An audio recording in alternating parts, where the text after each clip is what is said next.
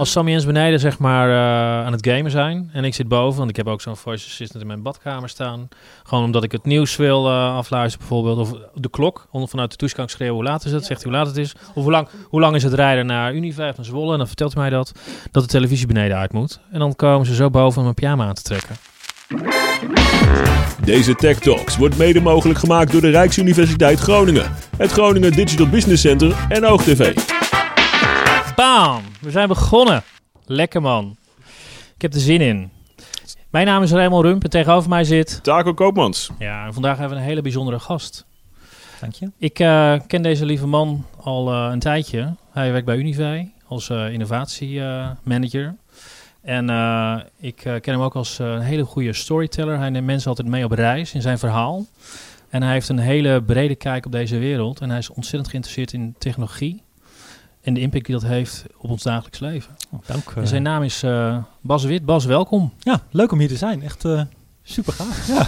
Mijn eerste podcast. Ja, ja. hoe voelt ja. dat? Hoe voelt dat? Ja, ik voel me helemaal bijzonder en speciaal nu. Helemaal na zo'n introductie. de pizza lekker? De pizza was... oh, mooi. Dat was al reden genoeg. ja. Dat is onze sponsor, hè? Zo is dat. Voornoos. Ja, dat komt nog, komt nog oh, helemaal goed. Ja, zeker. dat komt later nog. Dat komt helemaal goed, jongens. Ik wou beginnen met een stukje actualiteit, zeg maar. En ik kreeg van Jarno Duursma een mailtje. Zijn nieuwsbrief. Ja. En uh, daarin las ik dat uh, Amazon ook tegenwoordig voice-analyses uh, gaat toepassen. Ja. Zij zijn natuurlijk al de hele tijd bezig met videoanalyse. En dan kun je zien hoe blij iemand wel niet is, of wat voor ras iemand is, of wat voor gender die heeft. En dat willen ze nu ook op basis van, van voice doen. Ik vind dat heel ja. erg scary. Wat vind je daarvan, Bas? Ja, aan de ene kant vind ik het heel scary. Ook omdat ik zo'n Alexa-ding thuis heb staan. Aan de andere kant vind ik het ook heel erg gaaf. Want moet je, kijken ook welke, welke potentie zoiets kan hebben als je, als je dat kan doen. Uh, hoe je dat kan inzetten. En ja, ik denk, daar hebben wij het wel vaak over gehad. Die, die hele, uh, eigenlijk dat hele spanningsveld tussen technologie aan één kant en de bedreigingen die dat met zich meebrengt aan de andere kant. Maar ook, ja, ik, ik vind die potentie wekt toch vaker meer mijn interesse dan, dan de angst die ik heb voor dingen zoals privacy of, of eventuele gevaren die daarin zitten. Dus en is, is dat voor jou zeg maar de angst dan die wat in dit geval Amazon erbij gaat doen? Of misschien wel juist allerlei gekke diensten die daar niks mee te maken hebben, die ook kunnen beschikken over die data? Ja, daar, daar zit het meer in. Van wie, wie heeft zometeen toegang tot, tot mijn privédata, of nog erger privédata van mijn kinderen? Um, en hoe hou ik daar controle over? Weet je? je uh, hoe boos jij was op je dochter op dat tijdstip, uh, weet ik wel, vier maanden geleden of zo. En dan... Ja, nou dat... Nou, dat is nee, maar, maar gewoon in het, in het geheel. Dat je, dus, dat je geen controle meer hebt over, over dat soort data, dat soort informatie die gewoon ergens opgeslagen kan zijn, gekopieerd kan worden, gemanipuleerd kan worden. Dat vind ik wel heel erg spannend. Ik weet eigenlijk niet wat er mij gebeurt. Nee, nee. Aan de andere kant, de, de potentie die het heeft om, het om ons leven makkelijker te maken, om het uh, uh, zo persoonlijk te maken en misschien ook op andere vlakken toe te passen, die vind ik wel heel interessant. En neem eens mee dan, waar, waar, waar, zit het voor jou in dan, die potentie? Die potentie? Nou, kijk, uh, de, vanuit, vanuit je vakgebied ben je natuurlijk heel erg vaak op zoek naar hoe, kan, hoe kunnen wij, bijvoorbeeld bij Unive, hoe kun je mensen zekerheid geven, hoe kun je mensen helpen met ontzorgen. ook als ik nu kijk naar, naar de medische wereld, ik ben heel erg benieuwd hoe dit soort technologieën uh, mijn leven makkelijker kunnen maken, zodat ik me alleen hoef te focussen op de leuke dingen. Uh, en het is natuurlijk een beetje een illusie om te denken dat, dat uh, dit soort dingen alleen voor goede zaken gebruikt gaan worden. Ik zou het wel gaaf vinden als dat meer zou kunnen gaan gebeuren. Ik heb een, broertje dood aan boodschappen doen en, en, en al dat soort dingen. Wat nou als dit, dit mij daarin kan helpen om mij te ondersteunen in de dingen die ik dagelijks nodig heb. mijn comfort food te geven wanneer ik dat wil. tegelijkertijd mijn gezondheid in de gaten houden rondom mijn calorie-intake.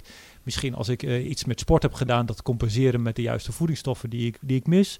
Uh, uh, mijn gezondheid monitoren op hoe, hoe, mijn, hoe mijn stemgeluid uh, is. Advies te geven over leefpatronen. Ja, daar, ja, daar, ben ik, daar, ben ik, wel heel benieuwd naar. Hoe ver kan dat gaan? Ik, ik, ik zit even kijken. Ja, je hebt een, je hebt een smartwatch soms. Zo'n, is dat Fitbit. een Fitbit? Dat is mijn sleep tracker alleen. Ja, niet fit ik ben. Nee, maar, maar, maar, maar, moet je kijken hoe zo'n klein stukje technologie jou al kan helpen om, een, om inzicht te geven in, jou, in, je, in je fysiek. Um, nee, absoluut. Zeker weten. Ja. Ik, als ik op wakker word, zeg maar, en ik weet hoe, hoe fit ik me dan voel, of hoe moeilijk ik me uit bed uh, kan krijgen, dan kijk ik even en dan weet ik hoeveel uurtjes ik uh, effectief geslapen ja. heb. Dat is eigenlijk ja. mijn verslaving, zeg maar. Oké. Okay. Uh, voordat we lekker uitgebreid ingaan zeg maar, op deze actualiteit, wil ik je eigenlijk de luisteraar een kijkje geven wie Bas Wit is, zeg maar. Daar hebben we een aantal vragen voor bedacht. En dus eigenlijk van een kijkje in het hoofd van Bas Wit. Oké. Dus, Het een, wordt een donker het inkijk. is geen radio-uitzending, Nee, het eh, wordt ook niet heel spannend of zo. Maar wat Hoe zou je jezelf omschrijven trouwens? Heel kort eventjes. Wat, eh, vertel heel kort eventjes. Oh, jeetje, dat is moeilijk. Ehm, ik hou van avontuur. Eh, ik hou van onderweg zijn. Ik hou van uitdaging. Ik hou van mezelf uitdagen. Ik hou van dingen ontdekken. Eh, ja. Eh, ik, en ik vind, vind het heel gaaf eh, om technologie te combineren met van alles en nog wat. Om, om problemen op te lossen. eh, om ja, eh, ja, te zoeken. Ja, die vraag heb je vaker gehad, eh Bas. Nou, Eh, wat wilde je laten worden toen je nog klein was en nu heel groot bent geworden? ik wil als eerste vrachtwagenchauffeur worden op zo'n hele grote eh, Amerikaanse vrachtauto.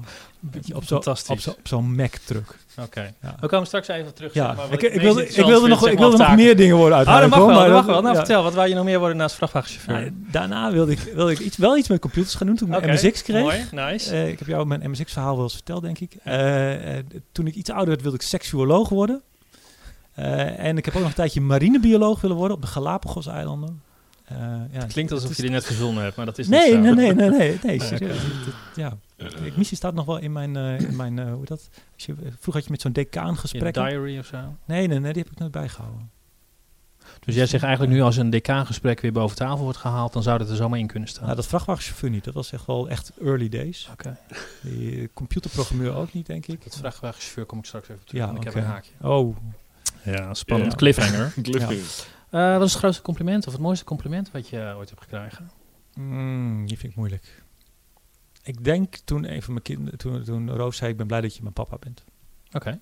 Ja, ik vond va- mooi. vader worden een van de engste dingen die ik ooit heb gedaan. Nou, je ziet er papa's aan deze tafel, ja. maar dat is inderdaad heel en, bijzonder. en gewoon dat kleine stukje erkenning dat je toch iets goed doet. Dat, eh, Heb ik nog een mooie vraag voor jou.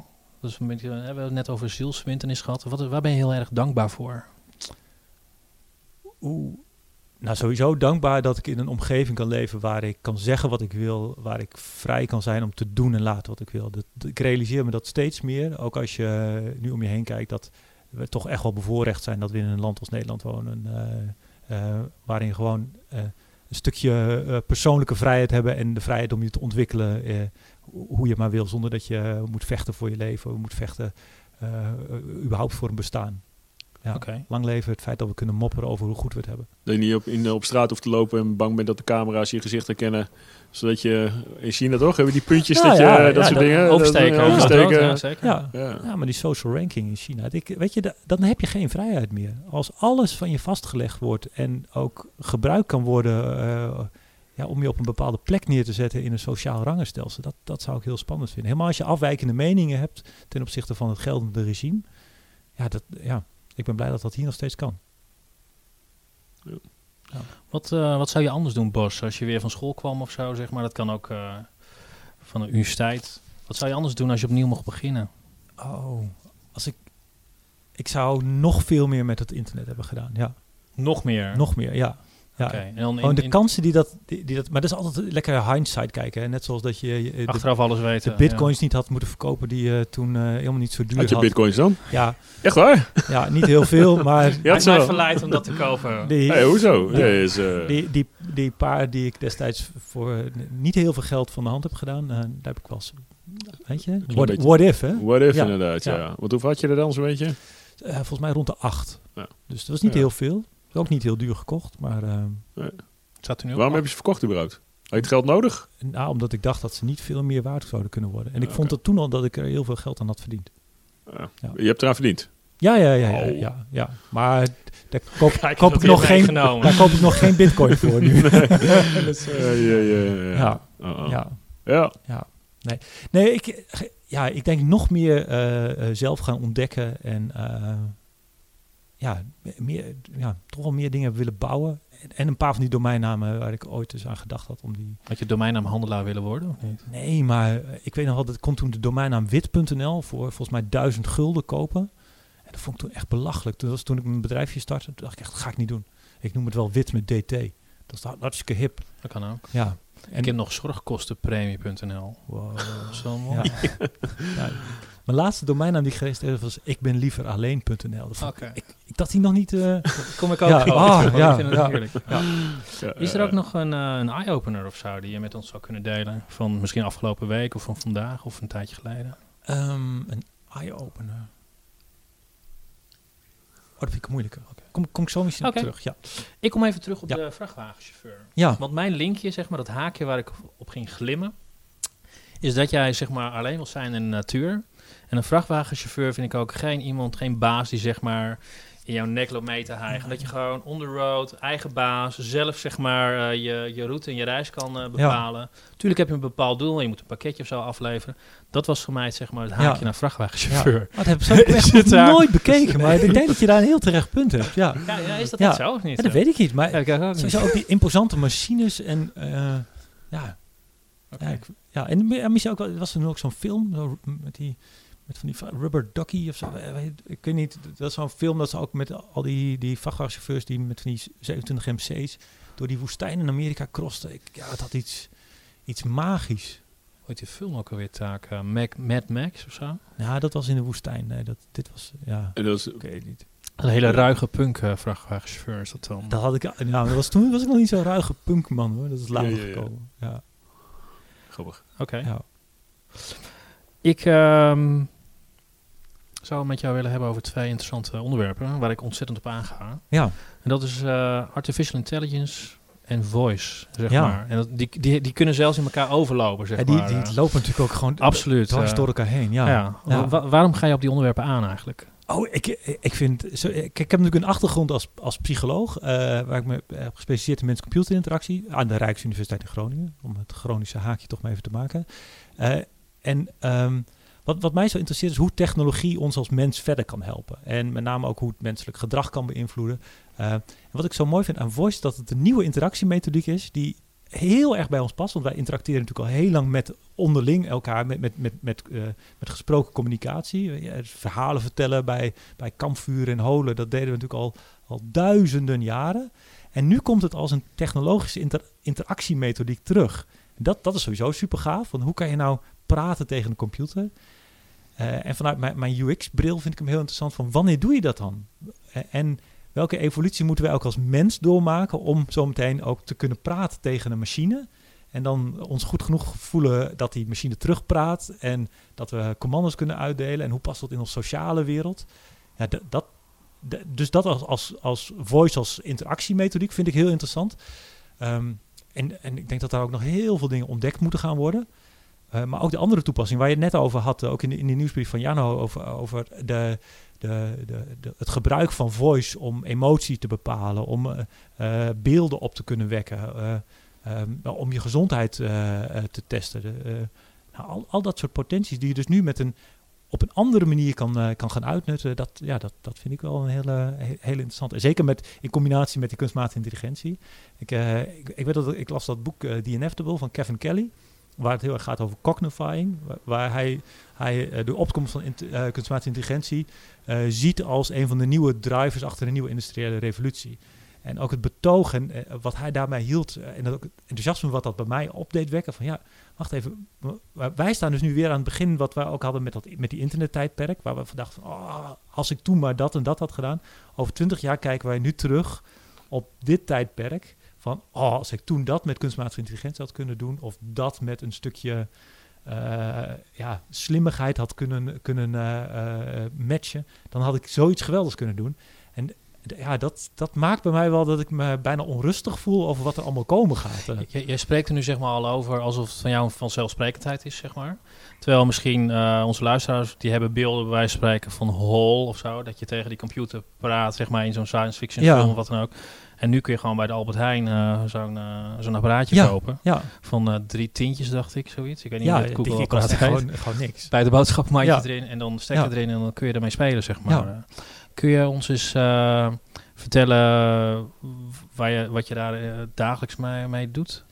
De- nou, dagelijks doe ik er natuurlijk 's ochtends het licht mee aan. Eh, als het nog donker is. Nou, dat doen we dan nu niet zo vaak meer. Met Spotify natuurlijk afspelen. Maar dat is, ik geloof niet dat je... Ik bedoel, denk ik meer... Nee, nee, maar ik, zit even terug, want je vertelde net iets heel moois, zeg maar. En ik zoek even de aansluiting zeg maar, met de luisteraar. Ja. Dat we, die hele mooie brede... Nou, de- de- ik- kijk, vo- voice gebruik je natuurlijk nu al steeds meer. Als ik in de auto nu eh, eh, Google Maps iets, iets wil doen, bijvoorbeeld, eh, eh, eh, ik kan wel tegen mijn, tegen mijn telefoon zeggen van oké, ik wil daar en daar naartoe. Dan snapt hij waar ik naartoe wil en dan laat hij mij de route zien. Ik kan op een sms'je antwoorden zonder dat ik eh, eh, afgeleid ben om met mijn vingers aan dat schermpje te zitten. Want, eh, hoe, hoe verleidelijk dat ook is. Ik vind, vind het bijzonder hoe, hoe ons menselijk brein zo gefixeerd kan zijn op die afleiding van dat schermpje, dat we er onze, ons, ons leven voor op het spel willen zetten. Maar dat is hoe afhankelijk wij geworden zijn van, van technologie en van die triggers die technologie ons geeft. Eh, en met voice zou je daar een oplossing voor kunnen geven. Dat je op een andere manier kan interacteren met iets waar je toch connectie mee wilt houden. Dat is ook een, meer eh, menselijke interface, zeg maar. Die, eh, nou, eigenlijk zijn we hè, nu ook lekker een gesprek aan het voeren. En die past beter en sluit beter aan bij de behoeften waarop je wil communiceren misschien wel. Soms wel, maar ook in andere momenten niet. Ik, de- eh, ik hoorde het op een gegeven moment iemand zeggen van ja, over een paar jaar praten we alleen nog maar tegen onze computers. Toen dacht ik echt van ja, wacht even, maar als ik nu hier met mijn collega's op een afdeling zit en ik zit de hele dag tegen dat ding te lullen, dan worden die mensen om me heen echt knettergek. En dan zit iedereen, weet je, eh, eh, voice is niet een, een totaaloplossing of een nieuwe interactiemethodiek voor alles zometeen. Daar geloof ik geen zak van. Nee. Het is een situationele oplossing die heel goed kan passen bij, ik denk, de, de, de, de ondersteuning van technologie in ons dagelijks leven, maar wel op de juiste momenten. Kijk, in de auto wil ik niet aan een schermpje zitten. Wil ik op de weg kunnen letten en wil ik informatie via mijn oren tot me kunnen krijgen en wil ik daarop kunnen reageren met behulp van mijn stem. Of misschien wel met een gebaar of, eh, eh, of misschien wel op basis van emotie. Eh, en ehm, ja, als ik binnenkom, of ik nou het licht aandoe door mijn vingers erop te doen, of ik doe het licht aan omdat ik überhaupt binnenkom, of ik moet het tegen een apparaat zeggen, ja, dat, dat, dat weet ik nog niet hoe ik daarover uit ben. Aan de andere kant kan het soms heel makkelijk zijn. Als je eh, dat, dat hand-in-chicken moment, wat eh, zei iemand bij de KPN ooit is, van oké, wanneer ga je nou voice inzetten? Op het moment dat je niet anders kan. Als jij, jij met je vingers brood aan het bakken bent en je wil naar de volgende pagina van je iPad, omdat je dat filmpje wil zien van hoe je dat, dat, dat deeg nou zo mooi uit. eh, ja, wat mooi als je tegen je iPad kan zeggen van oké, ga naar de volgende pagina en speelt filmpje. Ja, dan is het heel relevant. Dus, dus ik weet niet of je dat je vraag Nou ja, zeker wel. Want eigenlijk heb je, ik vind eigenlijk dat je met een nieuwe technologie in dit geval drie aspecten hebt. Zeg maar. Je hebt de eindgebruiker of de, de user of de klant. Dan heb je zeg maar, eh jij noemde KPN als voorbeeld, maar bedrijven denken van, oh, we moeten daar iets mee. Want stel je voor dat we de boot missen. Net als bij het internet. Iedereen stapt in het internettijdperk in. Waarom? Met businessmodellen die heel verliesgevend waren. Wat is je burn rate? Weet ik veel, zoveel ton per dag, per week. Gewoon dat ze de boot dreigden te missen. En ze wisten eigenlijk niet waarom, zeg maar. En dan heb je natuurlijk het derde aspect. In dit geval zijn dat eh, bijvoorbeeld Google of eh, Amazon, die die markt creëren die er daarvoor niet Ja. was, zeg maar. Mhm. En ehm, eigenlijk ben ik wel benieuwd naar al die drie verschillende aspecten. We hebben nu even heel kort gehad over de, de gebruiker, zeg Ja. maar. En jij stipt al heel kort KPN aan. Wa- Wat is de worsteling, zeg maar, voor bedrijven om daar een stukje of een plekje in die markt te krijgen? Ja, nou, ik, voorop wil stellen dat ik, ik vind die gebruiker het allerbelangrijkste.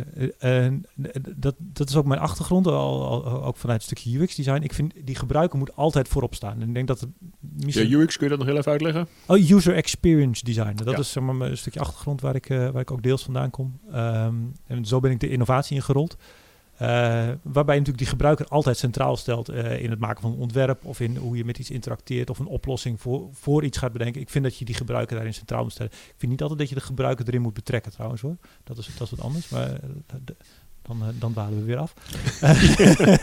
Eh, is een andere dus podcast, dus, ja. dus die, die gebruiker vind ik wel centraal staan. Die moet er iets aan hebben. Eh, en, en die worsteling die de bedrijven hebben is hoe kunnen wij vanuit onze bedrijfsvoering relevant zijn voor die klant dan? En, eh, of bedenken we nu een gimmick? We hebben eh, bij Unive onwijs hard moeten nadenken van, nou stel je voor wij willen zometeen aanwezig zijn op die Google Home.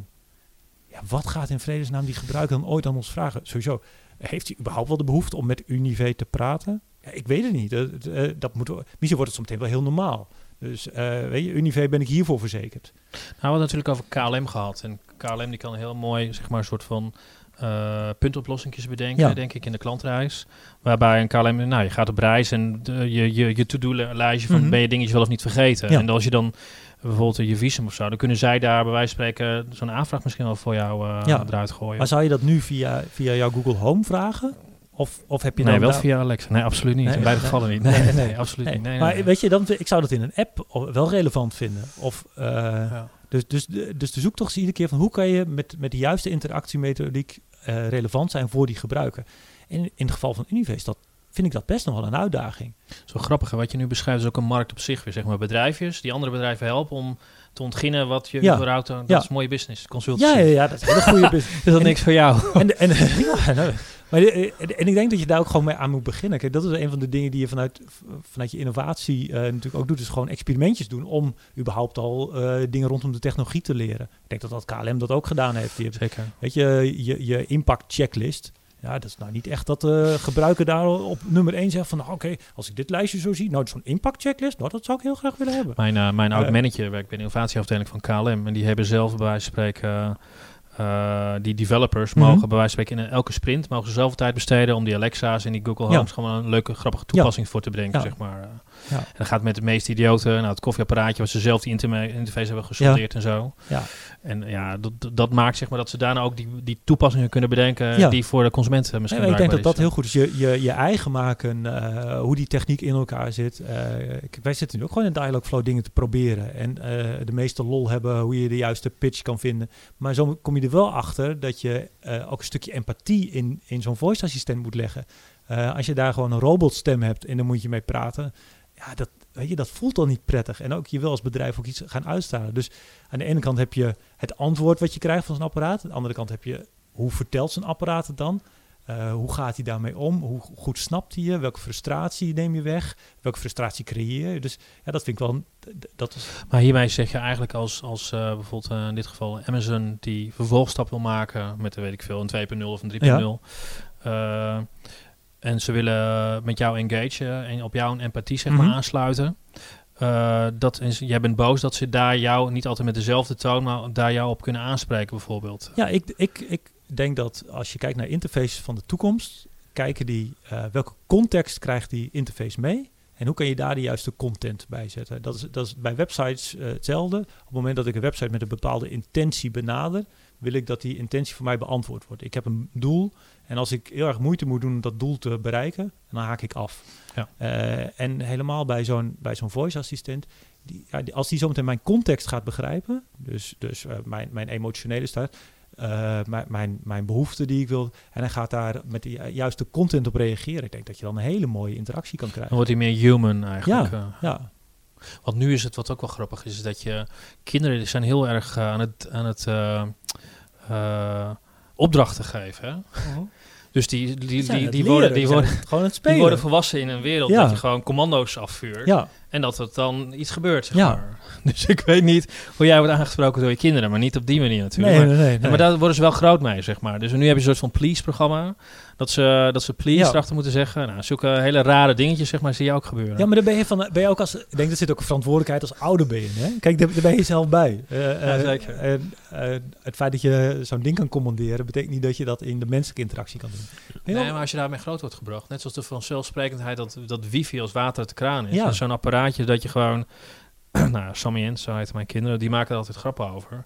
Die zitten mij daar zelfs mee te pesten. Die roepen gewoon Alexa muziek en dan een of andere, dan, dan komt de muziek en dan zit ik echt eh, te schreeuwen dat het ding weer uit moet of zo. Ja, mooi. Weet je, ik denk dat, dat al- als je ziet hoeveel er geschreeuwd 2.0, wordt ja. tegen, tegen die apparaat... Dat vind ik echt super gaaf. Ja.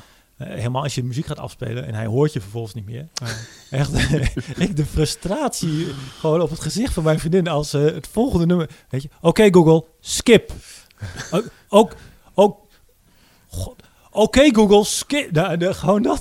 Eh, Ja, ik vind het, grappig. En, en Google is ook nu weer in het Nederlands. En, en eh, Jens maakt zelfs eh, nou, een soort van huiswerk met, eh, met Google. Zegt hij, let, als hij bijvoorbeeld bepaalde sommetjes maakt, hij Ja. komt er niet uit of we het antwoord controleren. Vraagt hij gewoon letterlijk op basis van die geweldig voice maak sommetje. En dan, hij, hij kijkt er niet eens meer van op, weet je. Dat is echt zo grappig. Als je dat een halfjaartje geleden had gefilmd, was het nog wel innovatief en Ja. uitzendingswaardig op, op een YouTube-kanaaltje of zo, zeg maar. maar hij heeft dus ook vertrouwen in die technologie dat Zeker, het goed genoeg is. zeker. En ik denk wel dat wat het net over. hij is over- 7, hè? Dus dat is echt bizar. Ja, maar de- we, hadden het over wat risico's die die technologie met zich meebrengt. Als je, als je ook kijkt naar, wij vertrouwen dus zo op technologie dat het ons wel eh, het juiste antwoord geeft. En helemaal zo meteen met voice, we, hebben het wel eens gehad over, eh, binnen ons, ons team over voice search. eh, waar ik voice helemaal niet op dit moment nog niet goed geschikt voor vind. Dus ik stel een zoekvraag aan, aan mijn Google en die geeft mij niet, niet 20 antwoorden in een lijst terug, geeft me één antwoord terug. Hoe relevant is dat antwoord en hoe bepaald is dat door de context waarin ik mijn voice Nou, staat nog in de kinder, kinderschoenen Ja, natuurlijk. nu hè. wel, Ja. maar, maar wat nou als dat straks een heel specifiek toegespitst antwoord is? Of het is zo eh, aangepast dat het een politiek wenselijk antwoord is. Als ik nu naar, naar jij, jij noemde dat China-voorbeeld. Eh, nou, daar is het internet al gecensureerd. Eh, ja, ik, dat vind ik wel een moeilijke. De- kijk maar naar Facebook. Eh, als je het hebt over een information bias, eh, door hoe, hoe de Facebook-algoritmes zich aanpassen aan jouw voorkeuren, eh, een andere mening komt er dan niet meer makkelijk bij in. Dus ook, eh, eh, ja, Kun je dan klantgemak, even dat China voorbeeld dat Taco aanhaalde, dat klantgemak zou je dat dan omkeren van je sociale ranking zeg maar gaat naar beneden als jij door dat rode verkeerslichtje heen loopt. Ja. En bij een waarschuwing nog een keer. Dan krijg je klasse, weet ik veel, een rating Mhm. van 1 tot 5 krijg je 1. En in plaats van dat je met- met het vliegtuig kunt, die 1000 kilometer, doe je dat maar lekker met de trein Ja. zeg maar. Ja, en dan Dus met de bus ja. of op een geit. Ja, Dus nee, maar snap je? ezel. Dus daarna word je eigenlijk gechanteerd. ja. Uh, en dan, eh, dan ga je weer dona- donaties geven of je gaat het stoepje vegen. En dan moet je weer melden bij die ambtenaar van die Chinese overheid van even een boekje aanpassen. Die moet dat Ja. weer in het systeem zitten. En dan krijg je weer in één keer ranking 2, zeg maar. ja. Dat lijkt me echt een hele zieke wereld. ja eh. dat, li- dat, is, dat lijkt me enorm bizar. Ja. Nou ja, je krijgt geen prikkel meer om iets wat jij zei over die verschillende meningen en eh, of, eh, hè, dat je eh, iets anders denkt dan normaal. En dat is ook wel creativiteit. Dus ik ben bang dat dat wel een beetje bij ze verdwijnt ook dan. Ja, dat denk ik wel. Weet je, je Of- krijgt kuddegedrag. Weet Ja. je? Als je maar net zo doet als de rest, dan zit je safe. Ja. Eh, en ik, ja, eh, ik heb een achtergrond in, in, in, in punkmuziek. Eh, ja, daar, iets wat je uit die cultuur meekrijgt, is om ook tegen dingen aan te schoppen. Om, om vragen te stellen van waarom doen we dingen zo?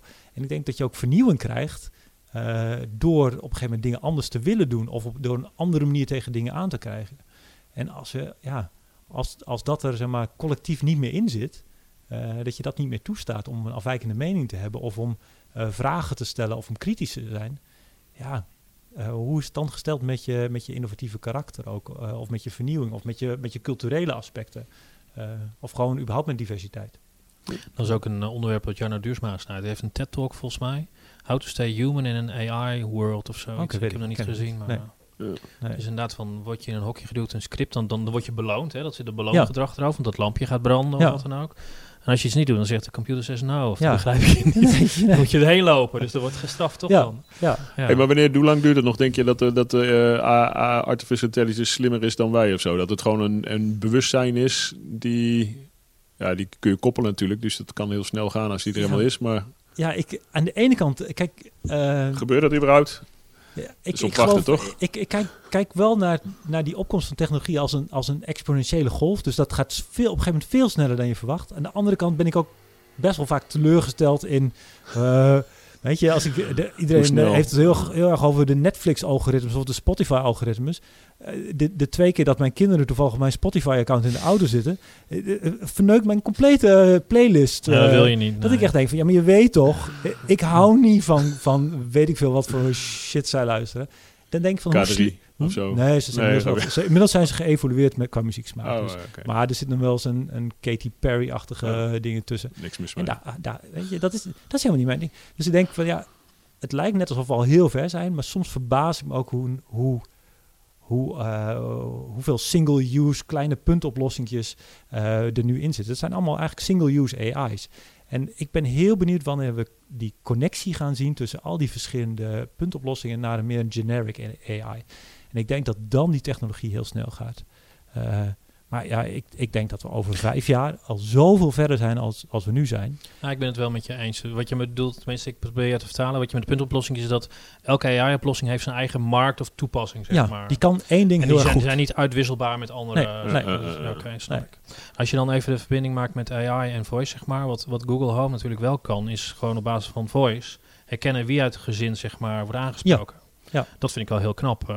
En daarna is ook de associatie maakt, gewoon met de eerste vraag en de tweede vraag die je erachteraan Mhm. stelt, zeg maar. Dus, en dat gaat vrij snel, zeg maar. Dat dat Ja. dus maandelijkse release wordt, dat gewoon... eh, Maar je ziet dan een soort mobieltje zo meteen voor je waar dan een artificial intelligence in zit die je overal mee, een soort assistentje of zo. Of hoe moet ik dat zien? Of, Nou, een van de dingen die ik heel erg hoop, ook omdat ik zelf een totale chaot ben, is dat ik zometeen mijn eigen persoonlijke assistent krijg. Gewoon, Gewoon, Een robotje ook, of gewoon echt in je, in je Nee, computer, gewoon, een app. weet je, en die desnoods je in- holografisch het zou helemaal gaaf zijn als je dat met een brein-computer interface zou kunnen doen. Gewoon een soort Daar is hij ook fan van. Een soort gewoon iets wat, wat, wat in mijn achterhoofd is, wat zegt van, hé hey Bas, als je nu niet weggaat, dan ben je zo meteen echt te laat, jongen. Want eh, je moet namelijk, ik weet dat jij altijd nog even je tanden wil poetsen. Eh, als je iets spannends hebt, moet je toch nog even plassen, hè? Ja, ja, ja. En dan zit je in de auto, ben je je jas vergeten. En je mobiele telefoon ligt dan ook nog op het aanrecht.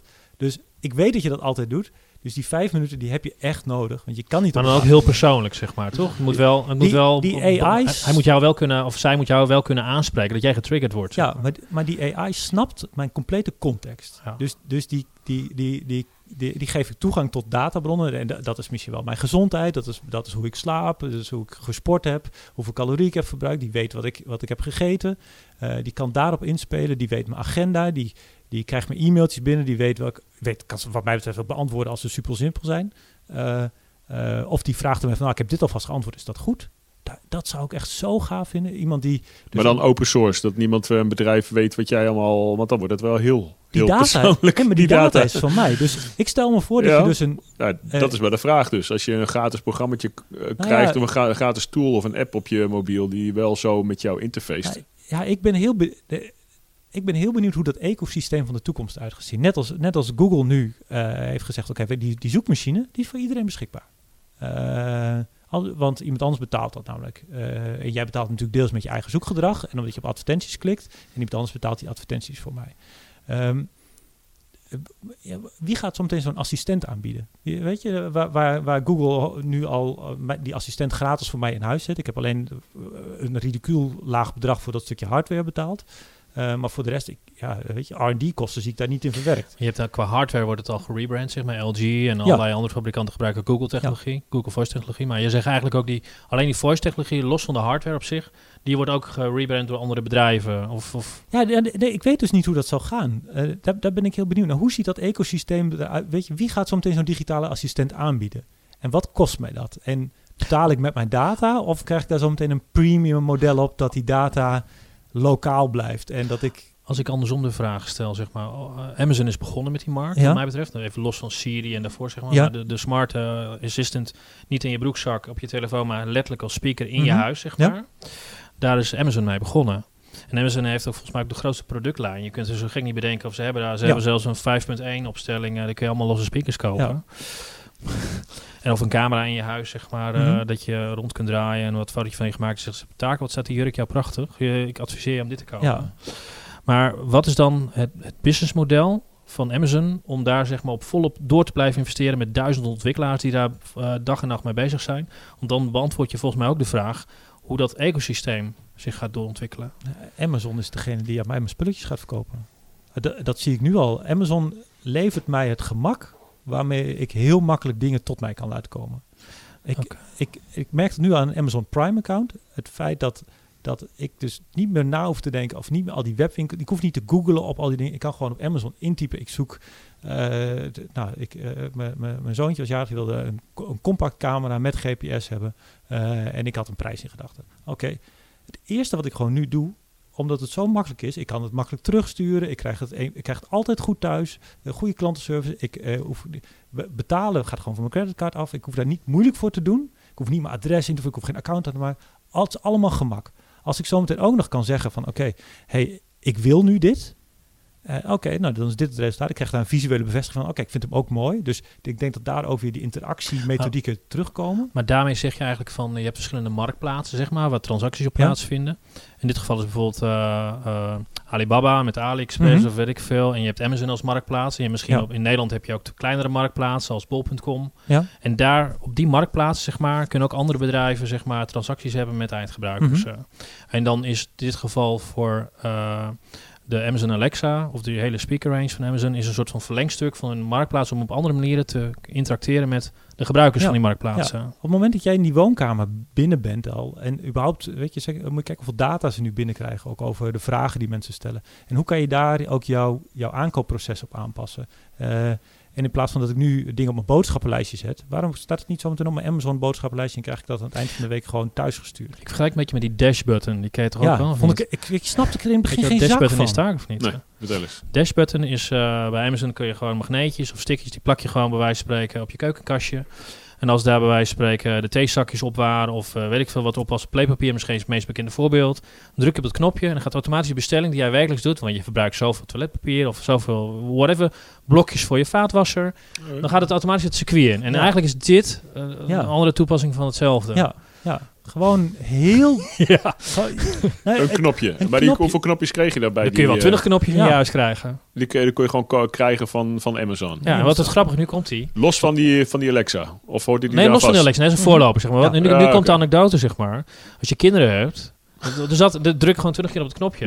dan komt er gewoon een vrachtwagen. Die, die bezorgt jou, weet ik wel, 80 keer een doos vaatwastabletten. Ja, ja, ja. En nu hebben ze een soort van validatie gebracht Ja. dat je op je telefoon krijgt. Dan moet je even kijken, klopt dat? Ja, hup, klaar. Dan wordt hij geshipped, zeg maar. Ja. Maar ja, toch? Of Waar is niet? de AI in deze, denk ik Ja. dan, hè? Ja. ja, goed. Goeie Maar dat is nog niet zo lang geleden. Die hebben ze nu uit productie of ze ze- ze- dat is een eind, end of life, zeg maar, Ja, dat product. ja. Maar dat is nog niet zo lang geleden. Dat is drie, vier jaar geleden of zo. Dan ging dat, eh, ja. Maar zo zie je ook dat je dus met zo, dat, dat vind, zijn ook van die kleine experimentjes die ze volgens mij doen om te kijken van oké, werkt dat überhaupt? Weet je, hoe kan ik, hoe kan ik nou mensen eh, het gemak, Gemak, gemak, geven om dingen die je toch altijd moet doen? Eh, ik heb zelf zo'n abonnement van Bolt King. Ik, eh, ik vergat altijd scheermesjes. Nu heb ik gewoon altijd scheermesjes. Ik kan altijd mijn hoofd kaal scheren. Gewoon super relaxed. Niet moeilijk over te doen.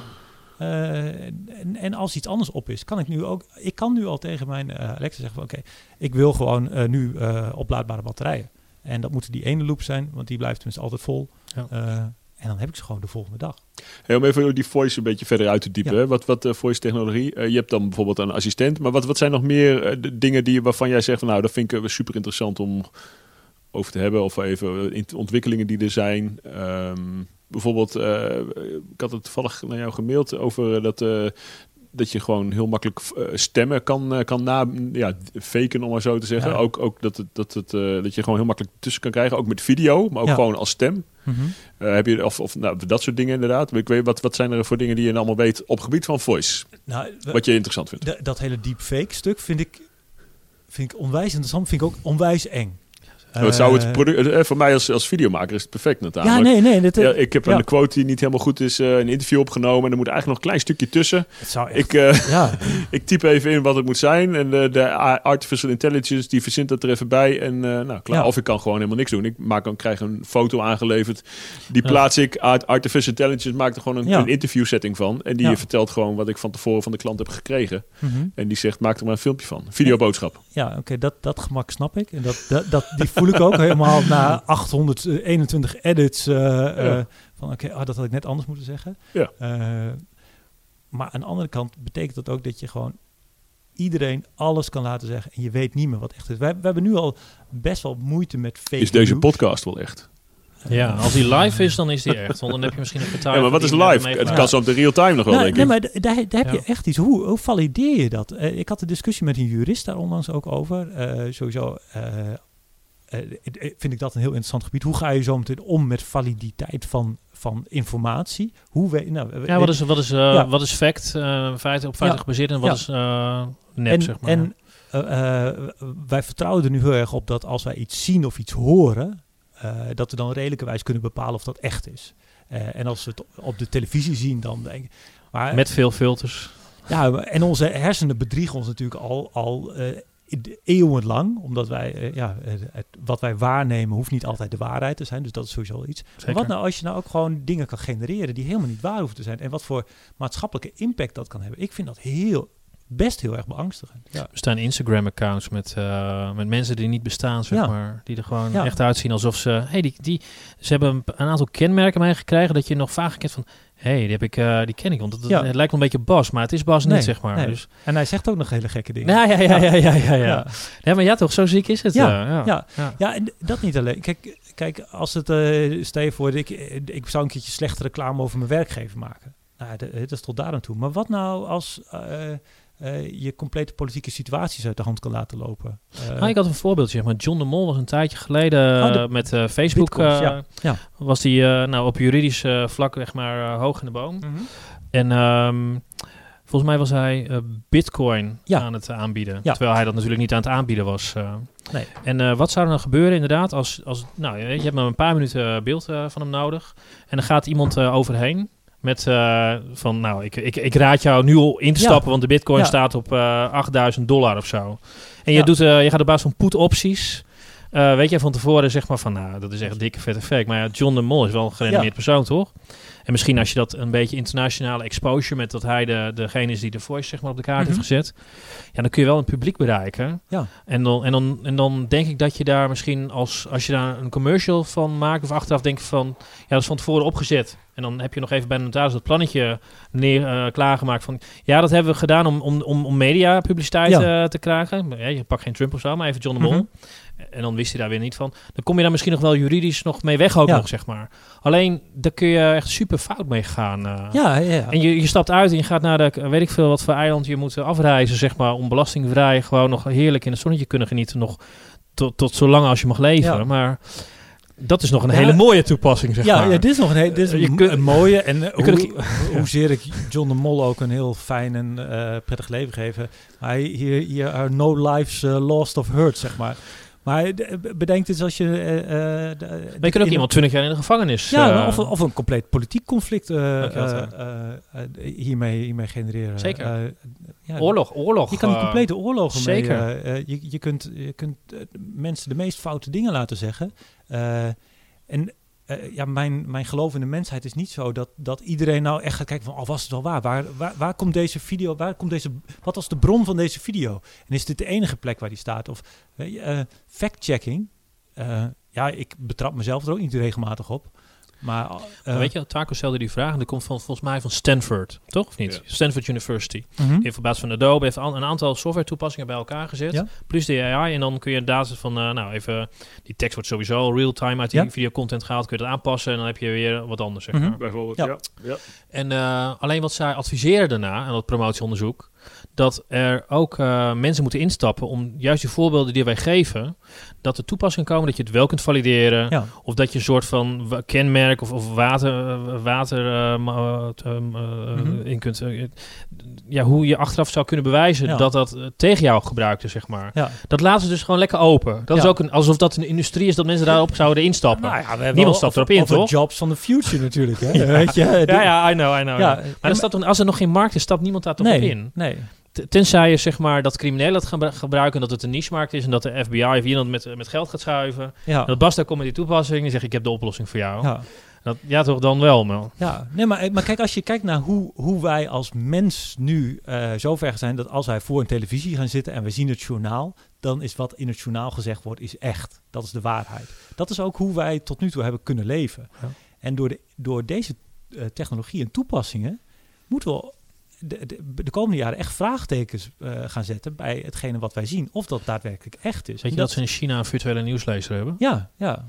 Die, dat is helemaal niet iemand die voor die Nee, camera zit. nee. En terecht, dat is een hele saaie baan, toch? Ja, Ook in het, eh, Die doet het beter dan de ja, nieuwslezer ja, die die LTQ ja, voorleest. Ja, Ja, ja. Ja, Weet toch heerlijk. glazen Maar hij wordt- hij wordt ook altijd- zo, eh, En dan lekker persoonlijk gemaakt, want jij ook misschien meer van een vrouwelijke Nou ja. nieuwslezer of zo. En jij aan weet de ik andere veel. kant kan het ook best hele gave toepassingen hebben. Zeker. Eh, eh, ja, bedenk eens naar dat je met, met een stukje virtual gegenereerde reality ook naar eh, weet ik veel wat voor mooie oorden kan gaan. Of eh, nou, de, eh, Eigenlijk zeg je, je hoeft nooit meer op vakantie dan. nee, nee. Dat mijn oom zou, kijkt zo vakantie. zou, zou kunnen, hè? Nee, nee, maar Die kijkt altijd Discovery en Ja. hij heeft niet meer op de Ja. vakantie. Ja. Dat is het idee. Aan de andere kant, kijk, een van de eerste industrieën die hiermee gingen, gingen experimenteren was natuurlijk de porno-industrie, die heel graag eh, blote celebrities wilde hebben. En die dus deze toepassingen gingen gebruiken Ik heb om vandaag ge- nog een appje aan hem gestuurd. eh. gezichten van Eh, celebrities op andere blote mensen te plakken die, Ja. die onzedelijke dingen doen. Ja. Eh, eh, maar als je dat jij Blijkbaar ook- markt voor. Maar, ja, als je dat maar met dat zit je toch ook kan met copyright en zo. Dan, eh, met Ja. celebrities. Dan eh, heb je bijvoorbeeld, nou noem eens iemand, eh, Katy Perry had je het net over. Die dan op het, eh, op het eh, qua hoofd dan op een pornoactrice lichaam of zo. Ja, Maar dat, daar moet zij dan wel toestemming voor geven. Maar Ja. dat doet ze niet. als ze dat niet Maar nee. Dus dan kom je in een illegaal circuit uit, neem ik aan. Ja, maar de- Waar, waar- welke website? Eh, is voor research purposes natuurlijk. ik, ik, ik ken deze website zo niet. Nee, maar- even Nee, googlen, maar- je komt er vast wel op uit. eh. Ja, nee, Maar de rem, de rem is dan de, de, sorry, de wet en regelgeving, zeg maar, en hoe het auteursrecht nog steeds geregeld is, zeg maar. Ook al wordt dat in Europa veranderd, is Ja. nog steeds de rem op deze innovaties. Terwijl bedrijven zich daar eigenlijk niets van aantrekken. Nee. En die gaan gewoon lekker los. eh. Ja, is er al wetgeving voor trouwens? Voor dat soort dingen? Nee, nee, nee. Wat ik, Kan er wetgeving voor gemaakt worden? Ja, ik denk dat dus, eh, ik, ik vandaag nog even een stuk eh, gelezen daar ook over, over hoe, hoe de wetgeving daar op dit moment in zit. Hoe ga je zo meteen om met bewijsmateriaal wat bijvoorbeeld vanaf een, eh, vanaf een straatcamera wordt, wordt gegeven? Ja. Hoe weet je zeker dat dat bewijsmateriaal nog echt is? Ja. Hoe, en dus, dus er moet zo meteen een extra validatieslag op dit soort content gemaakt worden.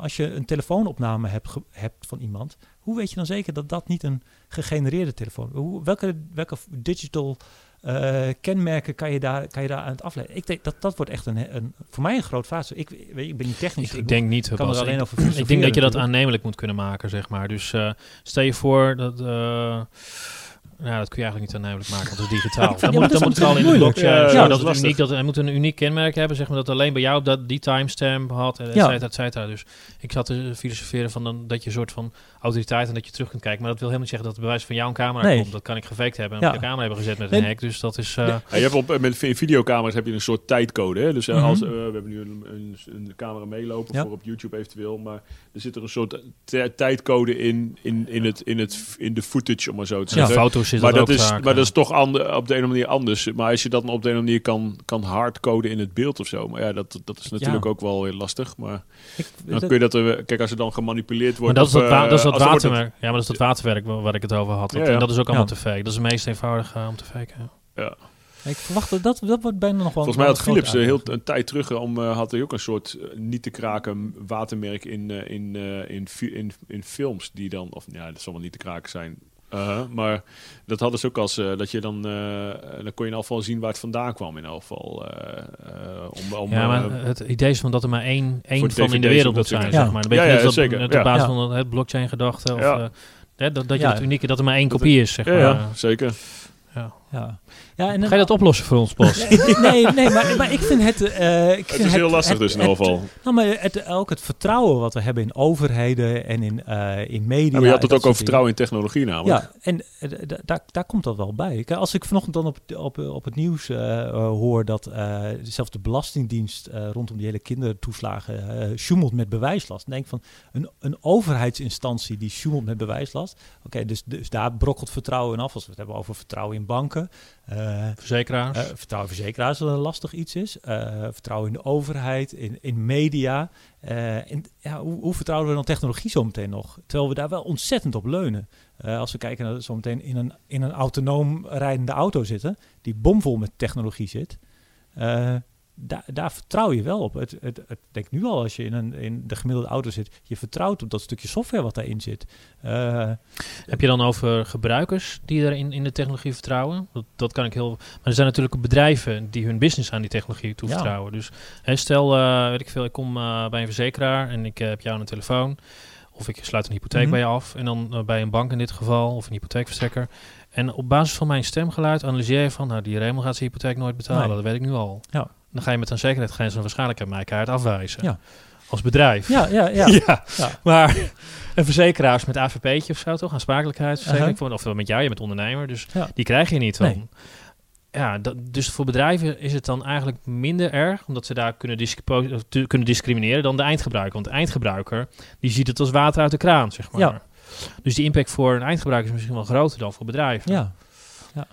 Hoe- ver gebeurt dat nu ook al met bijvoorbeeld eh, zorgverzekeringen die nu al ehm, dit, eh, mensen die last van de rug hebben of zo, worden die al makkelijk geweigerd? In afval heb je, heb je dat dan ook al op zo'n op zo'n schaal eh, dat op niet op technisch niveau, maar wat jij het nou zeg maar op gewoon nu al dat Nou, ze zorgverzekering niet, maar bijvoorbeeld als je het hebt over AOV's, zo'n arbeidsongeschiktheidsverzekering, Ja. en je hebt een medisch verleden, ja. Dan ben je gewoon de sjaak. ja, ja, Dan ja. krijg je zo'n ding niet meer. Nee. En met zorgverzekering misschien op aanvullende dekking of zo, dat weet ik ja, oké, dat zou Je kunnen. hebt een zek- verzekerings... Ik weet niet zo heel veel van verzekeren hoor. Ik werk wel bij een verzekeraar, maar da- dan toch wat minder verstand. Dat is één ding wat hij zeker Ja. weet. En, eh, je hebt wel volgens mij een soort verplichting dat je iemand een basisverzekering moet verkopen. Ja, de basisverzekering zit wel snor dus, Ja. maar, Maar de- de voor de rest, rest dan eh, eh, kan ja. het wel lastig Ja. worden. En kijk, eh, daar zeggen we nu van, ja, maar het is niet eerlijk dat je dat op basis van stemherkenning doet. Ja, we doen nu op basis van BKR-registraties, Ja. andere, zijn, zijn gewoon andere databronnen. Dus de- ik weet niet of dat heel veel gaat verschillen. Maar ja, de, de methodieken worden minder, ook minder zichtbaar, denk ik. Ik denk dat dat het ook wel is. Het worden meer black boxes. Van oké, ik stop daar een stem in en de, com- de computer zegt oké of, of, of zegt no. Ehm, de, ja, ik denk dat dat, dat dat het ook moeilijker maakt. Dat het niet meer begrijpelijk wordt. Van hoe kan het dat, dat Raymond eh, pertinent wordt afgewezen en dat jij gewoon eh, eh, vrolijk die lening van drie ton maar krijgt? hij heeft Ja. het hele leven al mee. Dus Ja, dat is wel zo. Ja. Dat is. Ehm, de, de technologie zeg maar, kan ook een bedreiging zijn. Maar daarmee zeg je dan ook dat voor een hacker gewoon... Het, gewoon die, die leeft gewoon in het mooiste eeuw, zeg maar... eh, Wordt alleen maar sinds beter. mensenheugenis, Ja. zeg maar. Want alles, alles Wordt is data en Alle- wordt data. En ja, ja. Blijft de hele dag in je bed liggen met een VR-bril op. Ja. Af en toe moet je nog naar het toilet doen. Maar snap je? Ja. Dus dan, dat, is- dat, is- dat, ja, dat wordt dan de grootste markt of zo, ethical hacking. Nou, ik denk niet alleen. Ik denk als je het hebt over de toekomst van oorlog voeren. eh, Ja, eh, hele mooie markt. Weet ja. je, moet je kijken. Dat, eh, Begint nu al. Ja, laat, ja, aan de andere kant hoop ik ook dat we, dat we in ieder geval niet meer met elkaar tegen elkaar aan gaan schieten. Maar dat we gewoon mekaars computersysteem uit de lucht proberen. Daar Ja. zou misschien wat minder Ja, dat bloederig het dagelijks leven dwars leggen. Maar ja, dat is Ja. voor ons net zo erg natuurlijk. Als je zo van de technologie, je had het al over Google Maps inderdaad. Ja. Als je dat niet meer hebt. Ja, dan moeten we toch misschien elkaar maar weer de weg gaan vragen. Volgens mij komen, zijn we als mensheid flexibeler dan, eh, dan als je een, een- een- dan, dan je denkt. En Ja, dat is- zeker. ja, ik denk dat dat ook gezond is. Dat, je, dat we, de- wel, wel grappig om af, af en toe te zien, of ook als je dus uit die wereld stapt, hoe goed kan je dan zelf nog redden? Dat de, de- was laatst met mijn dochter gewoon een nachtje wild kamperen. Eh, waarbij je dus eh, op het Dwingelenveld heb je dan geen, eh dan mag je trouwens niet kamperen. Dat zou ik Wel niet extra spannend, toch? Wel extra spannend. Maar dan heb je dus geen cel, eh, geen, geen, geen, geen netwerkbereik en al dat soort dingen. En dan, eh, ja, je, de- de- je hebt ook geen licht, dus je hebt alleen je, je zaklampje bij je. En hoe, hoe je dan ook op een andere manier eh, gaat kijken naar dingen en hoe andere dingen belangrijker worden. Dat je lekker warm slaapt en dat je een plekje hebt wat een beetje beschut is. En dat je, dus, dus ja. Ik, Is dat, niet een, dat is dat niet een markt op zich weer, zeg maar? Als je daar oh, ja. mensen die zeg maar zo dedicated aan hun scherm, eh, die verliefd zijn op, op, op, op alles wat een scherm heeft, zeg maar. Dat je zegt van, hey, ik heb een of andere workshop voor jou. En dan ga je gewoon Ja. lekker een nachtje kamperen met Bas. Ja, ja, oh, En ja, ja, ja. En de Ja. mensen die komen helemaal onthaast en die hebben dan fantastische verhalen met... eh, Dat jij eigenlijk bij alles wel een businessmodel weet te houden. ja, ja, sorry. Ik, eh, ik, zag dat meer dat als een soort ontspanning, dat het ook gewoon Ja, heel leuk is om te doen. eh. Zeker. Maar dat, dat zie je nu toch ook wel in die, in die, in die 305... Mindfulness heet het dan. Mindfulness, Ja, zeker. 365 dagen Ja. gelukkig. Ik denk, kut, als je toch 365 dagen gelukkig zou moeten zijn, dat zou kloten zijn. Dat zou ik helemaal niet willen. Maar eh, dat is heel iets anders. Maar ehm, ja, volgens mij wordt daar best wel op ingespeeld om ook op een andere manier eh gedisconnect te zijn.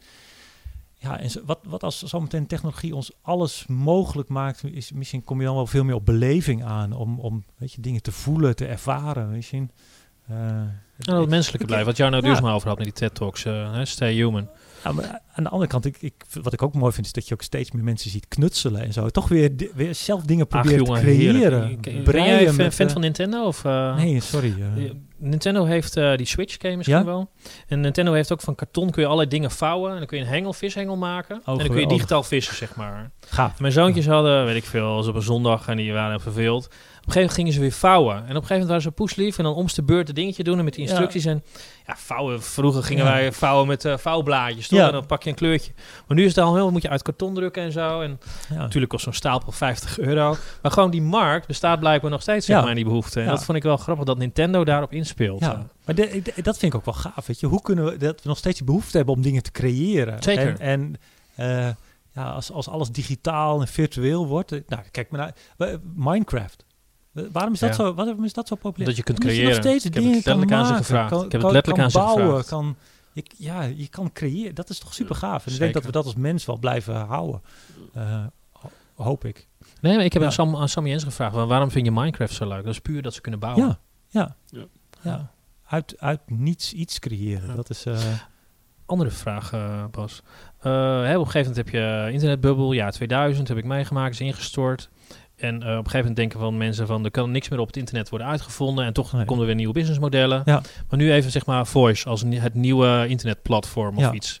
dat ontstaat weer op allemaal nieuwe kansen, toch? Ja. Dus beginnen we aan een soort van nieuwe digitaal tijdperk, zeg maar. Wat, eh, hè, dat, wat, ik wat- geloof niet dat dat met voice wordt een interactiemethodiek. Maar of is- AI is- misschien als voorbeeld. Ik denk dan. dat AI wel echt. Ik denk voice wordt een interactiemethodiek die ons communiceren met digitale media makkelijker maakt. Ja. Die, die misschien een stuk efficiëntiebesparing op het moment dat ik puur een andere interface, zeg ja, maar. het is een andere interface. En ik denk dat ons hopelijk ook wat veiligheid in verkeer gaat brengen. Eh, mensen die misschien minder, minder goed apparaten kunnen bedienen, dat die met hun stem dat kunnen doen.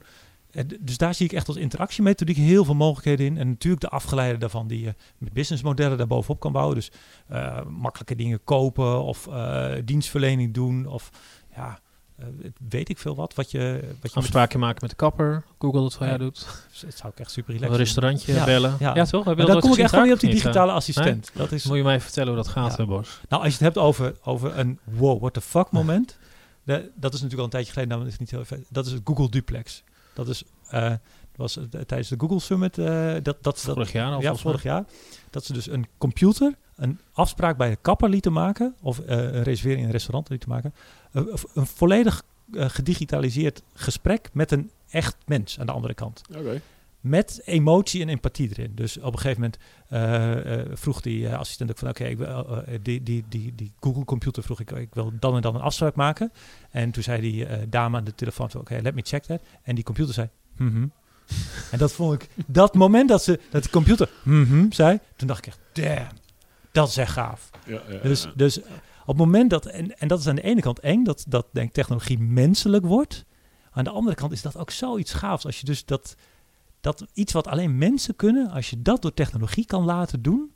En ook op een, op een manier dat het natuurlijk en echt aanvoelt. Ja, dat. eh, Ja. Jij bent onder de indruk, Taak, of niet? Want Nou, ja, ik zit even na te denken, want in Japan heb je ook die robotjes die eh, heel menselijk zijn en menselijke gezichten hebben. Ja. En dat vonden mensen dan toch weer te eng wel op zich ja, dan kom worden. je die En ik zit ik nu ook even na te denken of dat ook eh, hoe, hoe eng het zou zijn als ik weet dat ik genept word door een robot. Terwijl ik, ge- eh, ik word gebeld door iemand. Ik denk dat het mens is, het is een robot. En dan denk ik, Ja, wat Google, wat Google in het begin niet heeft gedaan, Taak, is zeggen dat het een, een nee, bot dat, was. dat maar. nu-. Maar en nu- stel dat je later, stel dat je krijgt over twee jaar krijg je iemand aan de lijn. En dan denk je, begin je mee te praten en dat blijkt een programma te zijn. Voel je dan genept of Ja, maar niet? Ik nee, zou me wel een beetje Nou, eh, ja, voelen. Google heeft dus niet- vrij snel, zeg maar, eh, u, u spreekt met de, Ja. u spreekt met de digitale assistent van Bas Wit. Ja, nee, Ja, dat en zou, ik, dat maak- zou ik, wil, wel ik, wil voor, ik wil voor Bas graag een afspraak Ja. maken. Zo heeft Google dat nu opgelost. Ja, ja, ja. Maar toen dat het zou ik wel gedemod werd, was dat niet acceptabel. zo. Nee, nee, nee. Dat zou ik wel acceptabeler vinden, inderdaad. Ik denk ook dat dat echt gaat moeten. En eh, ga- gaat moeten dat dat, een, dat dat een verplicht onderdeel Maar dat is ook, denk ik, het. Maar dat heeft er wel mee te maken, denk ik dan, of niet? Of mensen dat eng vinden of niet? Ja, dat denk ik zeker. Eh, Of niet? Ja. Ja, je Jij vindt het niet eng? Nee, ik vind. Nee, maar dat komt misschien ook omdat het, dat het. Het is ook Hey, wel cool natuurlijk. Maar ik denk dat het op een gegeven moment. Dat is ook iets wat we moeten leren. Hè. Hoe gaan we met dit soort technologieën om? Wanneer voelen we ons daar nog wel prettig bij? Wanneer voelen we ons niet daar prettig meer bij? Ja. En eh, ik denk dat dat ook een stuk. Ja, eh, een stuk evolutie is in hoe we met, met computers omgaan. Maar Google gebruikt of misbruikt het ook. Hè? Want Google gebruikt namelijk, die belt gewoon zelf ook al die bedrijven op. Om gewoon, eh, even bijvoorbeeld de openingstijden van zo'n winkel. Ja. Die staat op die website. Jij was volgens mij vanavond tot 6 uur open of zo, zag ik op de site TT Ja. Media. Ja. En Google belt je gewoon. Die zegt, hey, tot hoe laat bent u gewoon? Oh, tot 5 uur. En dan past Google dat gewoon rechtstreeks aan Ja. in zijn eigen database bij wijze van spreken. Dus Google gebruikt of misbruikt het gewoon ook om al die bedrijven gewoon te bellen. Het kost helemaal niks, behalve tijd. Ja, toch? Om Ja. hun data te verrijken, letterlijk gewoon. Ja. Of te actualiseren. Ja. Ja. Dus dat is ook een toepassing. eh. Ja. Ja. Hoe zitten we in de tijd eh, trouwens, Taak? Het is eh, vijf over acht. Eh, we hebben, ja, Hoe laat zijn we gestart? eh, vijf over zeven of zo. We zijn een uurtje bezig. Ah, Oké, lekker. Maar Ja. het gaat nog, eh, toch? gaat lekker heb, je nog, heb je nog Ja, tijd? Ja, Ja. Over, artificial intelligence, want dat is, je zei voice is meer een, een, een, een, eh, interactie. ja. Artificial intelligence. ehm, leven we in een... Elon Musk denkt dat we in een simulatie leven. Grote kans in elk geval. Nou, de- ik heb de laatste discussie met mijn- mijn vriendin is orthopedagoog, eh, dus ook een gedragswetenschapper. En eh, eh, we hebben best wel veel discussies over ook hoe, hoe werkt ons brein nou. Hele- mijn zoon heeft, hij, is net, hij is net 16, had voor filosofie een, ook een, een, een stageopdracht of een, een, een essayopdracht gemaakt over eh, hebben wij een, een bewuste keuze? Eh, hebben wij, hebben, is ons bewustzijn eh, Non-dualisme. Is alles voor je voor, Ja. voor bepaald? ja, of, is het, of is het al ben je vrij bepaald? leven van vrije wil? Ja. filosofisch ook nog. Mag bepa- bepalen chemische stoffen eh, eh, hoe wij ons leven leiden. En ik denk dat daar, ja, daar, daar zit wel iets in. En ehm, eh, de, de, de even kijken, waar, waar, waar ging de vraag alweer over? Simulatie. Oh, of niet? simulatie. Oh ja, ja. En een van de dingen die ik, die, ik- die ik toen aan haar vroeg van, goh, hoe zie jij dat? Weet je, eh, eh, eh, zie ik de wereld hetzelfde als jij? Of is het een interpretatie van ons brein eh, op hoe wij de, de, de sensorische informatie ontvangen? En eh, ik denk dat eh, ja, wij, wij vertalen natuurlijk sensorische informatie allemaal op onze eigen manier. Maar die is denk ik zo evolutionair bepaald. Het feit dat wij allemaal gevoelig zijn voor bepaalde beïnvloedingsprincipes is heel evolutionair bepaald. Ik denk dat er wel afwijkingen zitten. Dus als we al in een simulatie leven, dan leven we allemaal in bijna dezelfde simulatie, denk ik.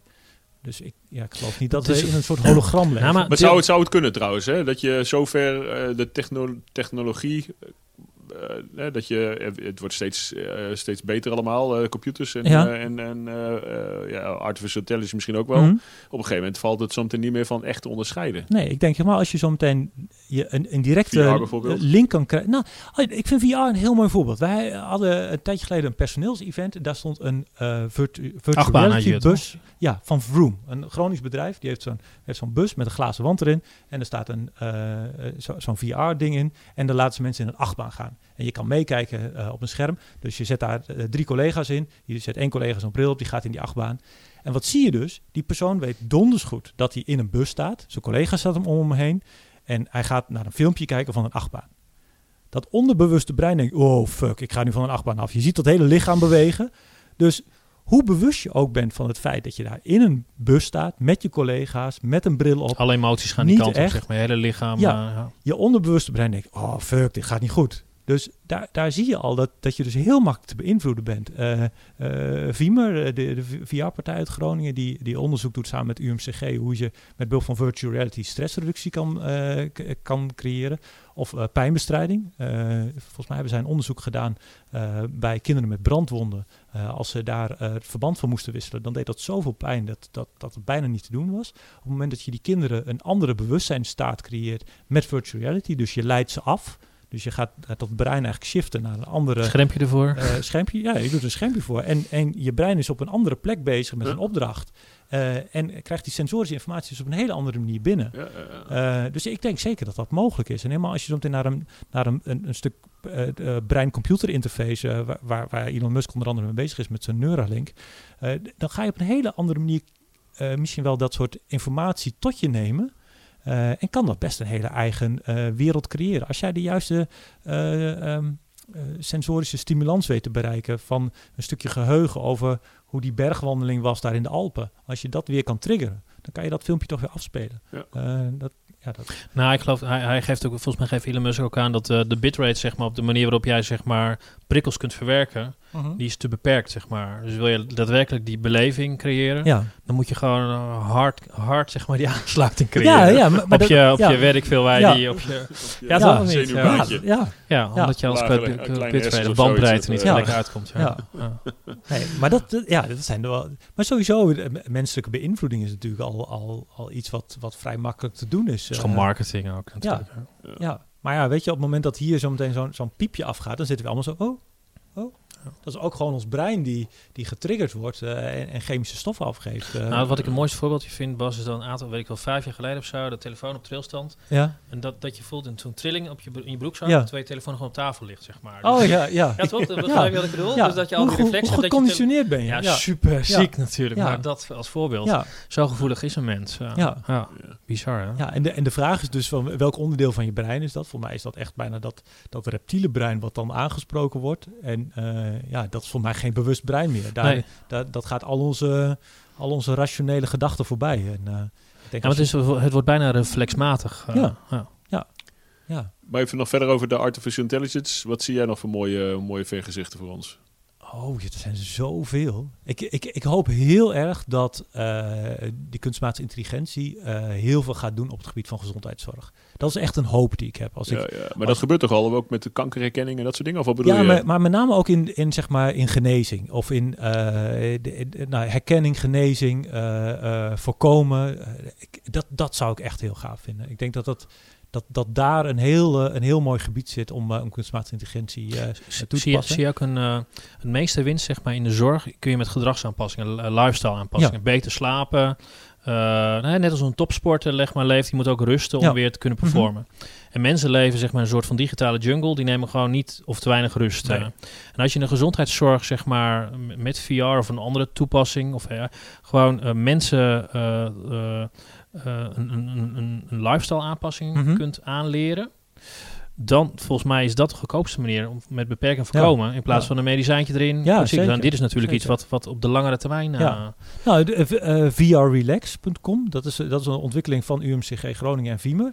Die echt eh, nu een bewezen, een wetenschappelijk bewezen toepassing hebben gemaakt eh, eh, voor stressreductie met behulp van virtual reality. Waardoor je die, die eerste lijns eh, druk op, op de geestelijke gezondheidszorg rondom burn-out natuurlijk drastisch naar beneden brengt. Met iets wat, wat heel goed werkt en aansluit. Maar, maar dat vind ik, ja, dat, is, dat zit toch heel erg aan die voorkant. Ik zou, het, ik zou het liever echt met, met wat de meer structurele dingen. Ik denk dat we sowieso wel ons leven moeten, wat moeten gaan aanpassen naar. naar Nou, wat Ja, je eet bijvoorbeeld. ja. Ja, ja toch? Eh, want wat je eet, dat, dat ben je, zeg maar. Ja. Eh, dus Ja, maar als je dus iemand een goede artificial, artificial intelligence hebt die gewoon goede medicijnen maakt of oplossingen, dan is het helemaal niet meer nodig. Heb je, Ja, is, komt er eentje die uiteindelijk gewoon een medicijn kan ontwikkelen, bedenken zelf? Denk je dat het een soort onderzoekers gaat vervangen, maar dan nog beter? ja, ik denk dat het wel voorspel. Ik denk dat je daar ook, ook wel, wel snel richting DNA-modificatietechnieken gaat. eh, waarbij je dus eh, eh, met ja, CRISPR noemen ze die technologie. Dus stukjes DNA gaat aanpassen om, eh, de- om, om ziektes eh, eh, te voorkomen of om, die- om, of om te genezen. En dan, dan zit je natuurlijk op een ander niveau dan een pilletje. Maar überhaupt al eh, dat je. Dat je, je nou, simulaties heb je dan natuurlijk al. Hè? In computersimulaties dat je in plaats van proefpersonen ja, al in een ja, model, in een simulatie op basis van AI, en, en, en eh, eh, deep learning, Ja. dat, dat, die, dat die modellen getraind worden en dat je bij wijze van spreken in die simulatie kunt testen of het medicijn wel of niet zou aanslaan, zeg maar. eh. Maar ook eh, als je kijkt naar een stukje personalized medicine. Oh, Kijk, als ik al mijn datapunten aan, aan zo'n AI zou geven. en die weet precies eh, hoe mijn lichaam in elkaar zit. wat mijn metabolisme is. weet ik veel wat. wat mijn hartslag is op een dag. En ik, ik krijg een, een specifiek medicijn. wat voor mijn lichaam geschikt is. in plaats van 10 milligram van iets. Wat voor jou, voor, het, voor de gemiddelde witte man geschikt is. Ja, op maat. Van, eh, eh, ja. En ik krijg op maat mijn medicijnen. Eh, en ik kan dat ook nog eens eh, bijvoorbeeld sturen. Eh, ik geloof, geloof dat UMCG ook nu een eh techniek ja. UMCG doet mooie dingen. Ja, hè? ja, ja, ja, nee, Ja, ja. Het is heel erg Groningen-minded. Dus Ja, ik probeer het heel vaak. Ja, vaak zeker. te zeggen. Ik snap ook, het, ik eh. snap het. Nee, maar het- toevallig, dat ik, voor mij was het op BNR, waar zij nu een, een lichtschakelaar hebben gemaakt voor medicatie. Eh, dus eh, dat is eigenlijk een, eh, volgens mij is het een molecuul die kan reageren op licht, op een bepaalde lichtfrequentie. En daarmee kan die eh, eh, wel of niet zijn, zijn medicijn afgeven. Oké. Eh, nou, dus dan kun je ook heel gericht in een, in een lichaam eh, op een bepaalde plek dat medicijn afgeven, zonder dat je daar eh, dat hele lichaam mee aan moet passen. Eh, Als je een, een tumor op een bepaalde plek wil behandelen, hoef je dat alleen daar te doen in plaats van een algehele chemo. Ja, en nou, ik denk dat je dan inderdaad op rekenmodellen komt die, die dat soort situaties veel beter kan doorrekenen. Ook voorspellingen kan doen over wanneer iets wel en wat niet werkt. Dus ehm, dat sowieso. Ehm, en ik ben heel erg benieuwd hoe we kunstmatige intelligentie in combinatie met sensoren kunnen gaan inzetten. Dus door eh, autonome objecten te creëren die ook een, een, een, ja, een, zeg maar, een eigen autonoom leven kunnen gaan leiden. Eh, ik, ik, wat, dat was volgens mij bij SMC. Ja, die, die geef je een zetje, zeg maar, of een, net als een auto, autonoom voertuig.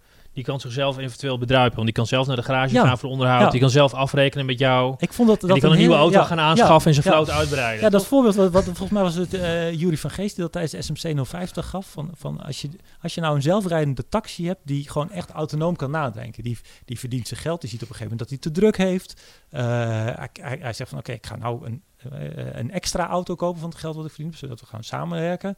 Ik kan mijn eigen onderhoud betalen. Gewoon echt autonoom object krijgt. En eh, ja, we hebben het nu over autonome auto's. Eh, Ja, maar dan die, die robotjes of die, die Ja. in je lichaam, zeg Ja. maar. Ja, Ja, de- de- ik ben heel benieuwd hoe dat sowieso ook, ook eh, connectiviteit tussen dingen. wat gaat dat doen? Wat je nu al ziet natuurlijk Google Maps die op basis van al die telefoons die over de snelweg gaan, kan voorspellen waar, waar het druk is en waar het stoplicht op rood staat, al dat soort dingen. Nou, wat nou als ik ook als ik die signalen krijg over wanneer mijn auto moet remmen? Eh, of ik krijg eh, dat over veiligheidsinformatie. Of, of al, al die andere databronnen. Ik ben heel benieuwd hoe datapunten die door sensoren wordt verzameld. eh, zometeen ons leven kan gaan verbeteren. En misschien daardoor ook wel risico's kunnen gaan voorkomen. Om dan toch even naar de verzekeraarswereld te kijken. Risico's kunnen beperken. En daardoor eigenlijk een hele andere dynamiek in de samenleving gaan creëren. Doordat je dingen veel meetbaarder, inzichtelijk maakt. Maar ook onderling gaat, gaat, gaat aan elkaar gaat verbinden. Dus, uh, Heel zo mooi als je als ook een praktische toepassing. Stel je voor dat je verkeersstromen, hè, dat kun je daarmee reguleren. Je hebt die groene zone, dat is natuurlijk, maar ook fietsers, zeg maar. ja. En je hebt allemaal datapunten dat je optimaal de verkeersstroom kunt reguleren. Ja. Toch willen fietsers, die hebben toch dat behoefte aan het knopje, zeg maar. Mhm. Terwijl er een camera in het eh, Ja. verkeerslicht zit en die ziet eh, de stroom van fietsers. En ook, toch wil jij nog? Dat Ja. knopje heeft geen enkele functie meer. Hoe vaak duw je ook op dat knopje? Ja, ik fiets bijna nooit, maar... Eh, ja, ja, ja, ja. maar dat, het, dat je die Vroeger latente, dacht ik dat als latente je behoefte... SOS in kon drukken, hè, dan typte je SOS erin en dan ging die harder. En dan ging die sneller. Even in contrast met, met de wereld die jij beschrijft, zeg maar. die jong ja. was. Nou ja, goed. die, die is fantastisch, vind ik helemaal mooi. Ik vind het ook grappig wat jij zegt. Dat jij- dat Piep, jij. En dan, ah, ja, daar gaat hij. Ja. Er blijven natuurlijk gewoon behoeftes van mensen. Dat is even mijn punt, zeg maar. Ook al zit daar misschien wel of geen functie achter, placebo-effectje. dat moet je ook blijven voeden, toch? Of, of Ja, of ga je een andere manier van feedback geven. Is, eh, wat, wat, als ik nu op zo'n stoplicht afkomt en de, de, er begint dat cirkeltje te draaien, Ja. ah, dan heb ik al feedback van oké, er gebeurt iets. Ja. Dus Ja, ik denk ja. dat, dat dat feedback daar een essentieel onderdeel van is. Eh, dat heb ik ook bij, eh, eh, als je het hebt over voice. eh, op het moment dat ik iets tegen zo'n voice-assistent zeg, en ik krijg de feedback terug dat hij me goed heeft begrepen, door bijvoorbeeld mijn vraag te herhalen of eh, word je door, blij van? door het juiste Ja. te doen, dan denk ik van, ah, hij snapt me. Weet je, ik, eh, ik, heb, ik krijg herkenning, ik krijg, het, het gaat goed. Eh, en ik denk dat dat is met heel veel van dat, van dat soort dingen ook zo. Wa- wa- waarom vond ik op een gegeven moment die zo'n een vriend van mij had zo'n iPhone, die kon je niet meer indrukken, maar je, de, je fingerprint herkenner lag gewoon zo op het scherm. Daar, dus je had geen, ik had geen. De tactile feedback moet ook, mag ook gesimuleerd zijn, maar Ja. je moet wel dat gevoel Ja, krijgen ja, dat dus- je connected dus bent. Hoe weet ik het zeker dat ik het goed heb gedaan? Dus, Ja. dus, eh, en, en nou, dat is met interface natuurlijk ook belangrijk dat je, dat je feedback krijgt over, oké, de handeling die je hebt gedaan, die is gelukt. Ik heb op een button gedrukt, nu gebeurt er iets. Niet op een button drukken en er gebeurt niks, omdat aan de achtergrond iets aan het laden is. Dus ik denk dat dat heel belangrijk is in deze. Maar daarmee zeg je een voorbeeld, zeg maar, dat je, stel je voor dat je bij het UMCG eh, die botjes in je lichaam toegediend Mhm. krijgt. En die doen echt op maatwerk, zeg maar, geven ze de medicatie waar dat noodzakelijk is. Dan wil je niet, zeg maar, alleen dat in dit geval UMCG die feedback krijgt, maar jij als gebruiker moet ook die feedback krijgen. Dat bijvoorbeeld nu is afgegeven, zodat je een notificatie krijgt van dat het Nou, medicijn nu is toegepast. Dus, ja. Ja. Ja, en Ja. Ik denk sowieso dat je met, met neurofeedback ook veel meer zou kunnen. Als je het hebt over gedragsverandering en eh, eh, als je veel directer die feedback kan krijgen, doordat er dingen inzichtelijker worden, kun je daar ook direct op, eh, op, op acteren. En op het moment dat je je gedrag goed verandert, eh, kan je daar ook de feedback over krijgen dat je het goed doet. En dan, dan krijg je ook een soort positief beloningssysteem. Ik ben ook heel benieuwd hoe, hoe sensoren daarin kunnen gaan, gaan reageren. Kijk, dat is nu, het, is, het lichaam is ook heel vaak een black box. Hè? Kijk, als, je, als je elke dag een sigaret rookt, je, je ziet niet wat er van binnen met je gebeurt. En zolang jij denkt, ja, ik voel me wel goed. Ja, het moment dat je dat visueel inzichtelijk kan maken, hoe... Ja, nou zit er natuurlijk een hele grote verslaving aan. Nou, zo'n teller. bij- Er zijn zoveel dagen van je leven afgegaan. Of zo. Ja. Ja, toch? Dat kun je ja, maar, maar, visualiseren. maar dat toch? is ook nog heel, dat is heel ver weg, hè? ja, dat is op ook het weer moment waar. dat je het direct zichtbaar maakt. Dus eh, het- ja, ik denk dat dat zelfs nog meer met je kan doen. Dus het is misschien wel een slecht voorbeeld, omdat nicotine natuurlijk enorm verslavend is. Wat, wat misschien die, die beloning die je door die feedback krijgt wel, wel teniet doet. Maar eh, echt, ik denk dat inzicht in onze biometrische gegevens heel veel kan doen, ook, ook aan die gedragsverandering. Weet je, jij weet of je goed geslapen hebt of niet, dus daar kan je op acteren. De, de gemiddelde Nederlander heeft werkelijk geen idee of die goed geslapen heeft. Die is gewoon 's ochtends lui.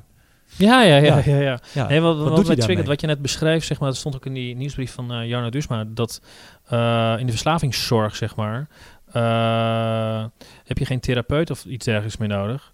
Maar die, die praat inderdaad tegen zo'n AI. En Ja. op basis van zijn stemgeluid en zijn intonatie en op zijn emotie, krijgt hij gewoon de goede feedback, zeg maar. Ja. Dan zit ik even naar die feedbacklust te zoeken. Als je alleen maar eh, in dit geval, eh, in plaats van een, een, een, thera- een therapeut of zo jou bedient, Mhm. moet je eigenlijk, je eigenlijk zeg je van, met technologie heb je meerdere feedbackmechanismes dan Ja. nu een therapeut jou überhaupt kan geven. ja, zeg maar. sowieso. Ja. Ja, dat is wel heel mooi inderdaad. En, en eh, ook, je kan het ook continu doen. Hè? Een therapeut die is niet 24 uur per dag beschikbaar voor Nee. jou. En technologie stelt je wel in staat om gewoon altijd en overal eh, jouw inzicht te geven, feedback te kunnen geven eh, en ook je gedrag daarop te kunnen aanpassen. maar krijg je dan Ja. niet het leven, zeg maar, even zeven dat dat mainstream gaat, wat je beschrijft, dat mensen bij elke, die kijken dan weer op flesje, oh, wat zit er allemaal in? Oh, pff, nou, dan moet ik dat niet hebben, doe mij met dit water. eh. Hoe kom je aan dat flesje zo meteen? Hoe, hoe zorg je, weet je? Hoe zorg- je, dat kan ook heel ziekelijk gedrag uitlokken. Dat is wat ik bedoel. maar wat nou als die AI voor jou het juiste flesje creëert? Dat zou heel mooi zijn, ja. Dus, dus, dus Waswater. Nou, en dan Emma- gewoon 20 Em- euro erop. Amazon Weer een businesskeuze. Ja, ja, ja, ja. Maar Amazon stuurt, stuurt mij niet meer dat water waar, eh, wat niet goed voor me is. Maar, maar weet op basis van mijn voorkeuren, van mijn eh, eh, eh, beweging, mijn calorieverbruik. Ja, wat je nodig hebt die, die dag, zeg wat maar. ik nodig heb. Ja. En ja, de vraag is dan hoe, hoe weet je, heb, ik kan ook gewoon een pil eten. eh, Nee, en maar dan dan krijg je alle- generieke... generieke generieke- ja. Dus, dus daar, daar moet je wel een balans in vinden. Zeker. Van, van wat is nog beleving, wat is eh, ja, je- ook je eigen keuze daarin. Ehm, maar ik denk dat een heleboel dingen daar wel wat specifieker op kunnen. eh. Hey, je had het trouwens nog even over oorlog voeren in het begin, even iets eerder eh, in het gesprek. Ehm, ja, daar heb je ook artificial intelligence, kun je er ook prima in gebruiken. ja. Hoe zie je dat? D- We hadden het vandaag over een term eh, eh, smart dust. Dus, dus dan heb je het aan de ene kant over sensoren. Mhm. eh, over, eh, over de data die dat, die dat genereert. De chemtrails of zo, die een vliegtuig... nee, nee, nee. nee, wat, nee het, komt zo op het kunstmatige intelligentie stuk. Maar als je het nu hebt over, over ontwikkelingen die bijvoorbeeld bij DARPA plaatsvinden. Die zijn heel erg bezig met hoe kunnen wij mini-sensoren maken. Misschien wel ter grootte van een zandkorrel over een, over een aantal jaar. eh, die, die aangestraald worden door een, soort basisstation. In de vorm van een rots misschien wel. Lekker vormgegeven eh, door een, eh, een decorontwikkelaar uit Hollywood. En die flikker je ergens in een of andere woestijn uit een drone. En daar ligt een rots langs de kant van de weg, liggen zandkorrels. En die detecteren warmte, die detecteren beweging, die detecteren geluid. Eh, en jij weet precies waar en wanneer troepenbeweging eh, plaatsvindt. Of... Eigenlijk heb je dan eh, microspionnetjes, eh, maar, Microspionnetjes. En vervolgens kan jij eh, kunstmatige intelligentie laten bepalen van... oké, wat is nu de grootste urgentie waar ik op moet... of, of data-analyst hoef je niet eens kunstmatige intelligentie op los te laten. Maar op basis van die databronnen ga je besluiten van... oké, daar moet ik eerst en daar moet ik op de tweede plek zitten. Eh, de- de- sowieso de hele cyberspionage die, je die je kan doen om, om, om dingen af te luisteren zit er al in. Maar Zo leuk, de menselijke factor kun je hiermee op, op, eh, op lokaal, eh, zeg maar, die dan eventueel verleid zou worden, ja, kun je uitsluiten, zeg maar. Ja. Alleen nog remote zou de verleiding kunnen ontstaan, zeg Ja. maar. Of je wordt gehackt Ja. tussentijds, maar ja. dat geeft ook een nieuwe dynamiek. Ja, ja, ja, ja. ja en, maar wat aan de andere kant ook wel eng is, je haalt er dus ook alle menselijke emotie tussenuit. Dat, dat vond ik, ik heb ooit zo'n documentaire gezien over die dronebestuurders, wat gewoon, wat gewoon geen militaire mensen zijn, maar zijn gewoon... eh, Ja, zo'n eh, droom met een mitrailleur erop. Ja, het zijn eh, gewoon, gewoon, gewoon een, gamers die, daar, die ja, dat zien als zeker. een spel. Die dus totale detachment hebben. Dus, die, dus dat emotionele gevoel van ik zit nu gewoon En in een af te game, maken. letterlijk, ja. ja, Maar Maar ja. die zitten op duizenden kilometers afstand een spelletje te spelen. Die trekken de deur achter de dicht en die Ja. zijn dan eh, in Amerika. Ja, En dan terwijl dus ze in... Dat, dat, dat vind ik wel... eh, Maar even terug, eh, nou, Nee. denk eens aan Battlestar Galactica. Hè? Dan eh, had je de robots die eh, vlogen eh, met z'n zessen in zo'n eh, in zo'n Cylon eh dinges. Eh, Ja. Dus, ken je Battlestar Galactica? nee, nee. Maar Ja, goed. Ik kan me niet zo voorstellen. Denk even, denk even, zes, denk even zes robots in een, Ja. eh, in een, in een, in een vliegtuig. Ja. En dan had je dan een van de helden van Battlestar Galactica... die dan toch nog de robots, eh, en dat is dan 400 jaar in de toekomst... ja. de robots konden uitschakelen. Ja. Door net nog even te schieten of een, eh, een draai om, Een goede doen of move zo, te of, maken, om een goede move te maken. Ja. Ja. dat is flauwkul natuurlijk. Dat gaat het niet meer worden. Nee, nee, dat denk ik niet. Nee. Dat is nu al niet meer het geval, nee, denk ik. nee, ik denk dat als je gaat zien met hele, hele robotica op, op het slagveld en zo. Daar kan wel naar Skynet, denk ik. Ja. Terminator. Nee, ik heb, ik heb Ja. toevallig een artikel gelezen over een, eh, een eh, artificial intelligence in, eh, in, in, als wingman, als in, in eh, F-16's. ja, Een dus- tweede piloot of Ja, zo. tweede Ja. piloot die dan, eh, maker, ja. die, eh, en die, die hadden ze, ja, dat was gewoon een kwestie van trainen hadden ze gedaan. En dat kon daarna in een, nou, in een klein computertje, te, met- Maar wat Bas Maar die zegt, zeg maar, kon- die, die emotie... wordt was zo agressief gewoon. Die kon echt, eh, die, die, die, vloog tegen een echt super ervaren vlieger, maar die kon gewoon niet van hem winnen in een dogfight, om maar zo te zeggen. ja, hij, kon- hij kon niet van de Van de, art, AI de AI, kon, nee, Ja, daar kon nee. hij niet van winnen. Nee, dat geloof ik wel. En ik, ik denk dat daar ook een, hele, een, een heel krachtig element zit in assisted decision making. Dus hoe kan ik een AI de besluiten die ik maak... eh, alvast- Emoties eruit gehaald, Ja, maar. emoties eruit. Maar soms ook, maar ook gewoon helpen met het maken van een beslissing. Ja. Om, omdat hij, omdat hij nou, inderdaad Second, zonder second emotie, opinion, inderdaad. op basis van data eh, een besluit kan maken. En ja, dat kunnen we als mens gewoon donder slecht. Eh, wij doen het op intuïtie. Nou, weet je, wat Ja, is- onderbuikgevoel, wat is ja. intuïtie. Of Ja. weet je, oh, het is gevoel. Dat is gewoon, dat is ook bijvoorbeeld bij, bij F-16 Pro is dat jarenlang trainen. Nou, eh, al die trainingsdata, daar moet jij ontzettend lang voor je best doen. En zo'n AI kan dat in, in enkele dagen, kan die al die simulatiedata en al die echte vluchtdata kan die tot zich nemen. En dan kan die, kan hij gevalideerde besluiten opmaken, omdat hij weet wat de input was en wat de uitkomst is. Dat Daar kan een mens ook heel- nooit tegenop, zeg Nee. maar. Omdat je, ook al zou je een hele leven lang leren... en ook al zou je in allerlei, eh, eh, weet ik veel, deskundige groepjes... eh, zeg maar lekker zitten Ja. sparren... dan kan zo, hè, op basis van al die bronnen en ook de actualiteit... kan zo'n AI altijd een betere besluit nemen. Ja. Ja, toch? Net Ja. zo met, eh, nou, met je rechtshulp is dat natuurlijk Ja. ook net zo. Maar dat, dat zie je dus nu ook, dat, dat je bijvoorbeeld op, eh op, op boardroom niveau ook AI's gaan meebeslissen over besluiten die op directieniveau gemaakt Ja, worden. ja, omdat ja. Er die... hele leuke filmpjes van. Heb je dat wel eens gezien? Nee, nee, dan dat hebben ze zo'n wel Alexa gelezen. speaker gewoon in de Ja. boardroom. en dan vragen ze even wat Alexa ervan Ja. vindt. Alexa. Ja. Gaat, wij, hebben we een meningsverschil? Ja. Dat kan ook heel iets zijn. Dan vragen ze even Alexa, zie je, dat is de waarheid. Ja. Dan gaan we Ja. weer verder. Ja. Ja, ja, ja, ja. Nee, maar als je, we, we hebben het wel heel vaak over hoe, hoe politiek en hoe macht en, en, eh, en menselijke factoren, al, dat soort dingen, hoe die een rol spelen in het maken van besluiten. En dat dat niet altijd in, eh, in het beste belang is voor een bedrijf of voor zijn medewerkers. Je, op het moment dat je dat veel meer kan kwantificeren op basis van data. We hebben de, we hebben de mond vol van data-driven business. Maar als het op dat hoge niveau aankomt, dan... dan eh, Ja, dat is, dan is plaats van weinig Dus spelen andere, Ja. wat misschien de vrouw van de bestuurder of van de CEO ervan vond, zeg Ja. maar, wat, hem, wat geadviseerd is of ja, zo. of misschien heeft die man wel gewoon een rotdag gehad. Of Ja, kan ook. Ja. Of wat zijn bestuurder, Ja. hè, hij wordt gechauffeurd. Krijgen we door zo zijn meteen een eh, artificial god of zoiets, die gewoon ons eh, werk uit handen of onze beslissingen gewoon gaat nemen. Zeg van ja, ik Ja. weet wat het beste is. Ja. Willen we dat? Nou, de vraag is of je dan daarin mee mag gaan. Ja. Wil je dat? Mag dat? Eh Ja. Het gaat wordt gewoon een abonnementdienstaak. als 50 jij, jaar. Hè, zoveel zo lang duurt het niet meer. Ja. Eh, gewoon één benevolent eh Ja. eh, softwareprogrammaatje. Die zegt van, joh, ik weet het toch echt beter dan jij. Zoveel, die- zoveel data heb ik tot mijn beschikking. hij zegt dan de hele tijd 42. ja, ja, ja, ja. ja. Nee, ja, maar nou goed. Ja. Ja. Maar eigenlijk is dat al zo. Die, die, Het gaat die, steeds die wereld, verder. nee, maar die wereld die jij beschrijft. Kijk, als eh ik veel, Uber koopt natuurlijk ook al die taxis en Mhm. zo. Maar als je in zo'n eh, eh, 100% autonomous vehicle stapt, zeg maar. Die beslist al waar jij, welke route Ja, hij neemt voor jou. En dat is maar de vraag of dat de veiligste of de kortste route is. Ja. En hij beslist zeg maar of dat omaatje of die voetbal, dat kindje met die voetbal. Whatever. Ja, hij beslist het op basis van datapunt Ja. of data.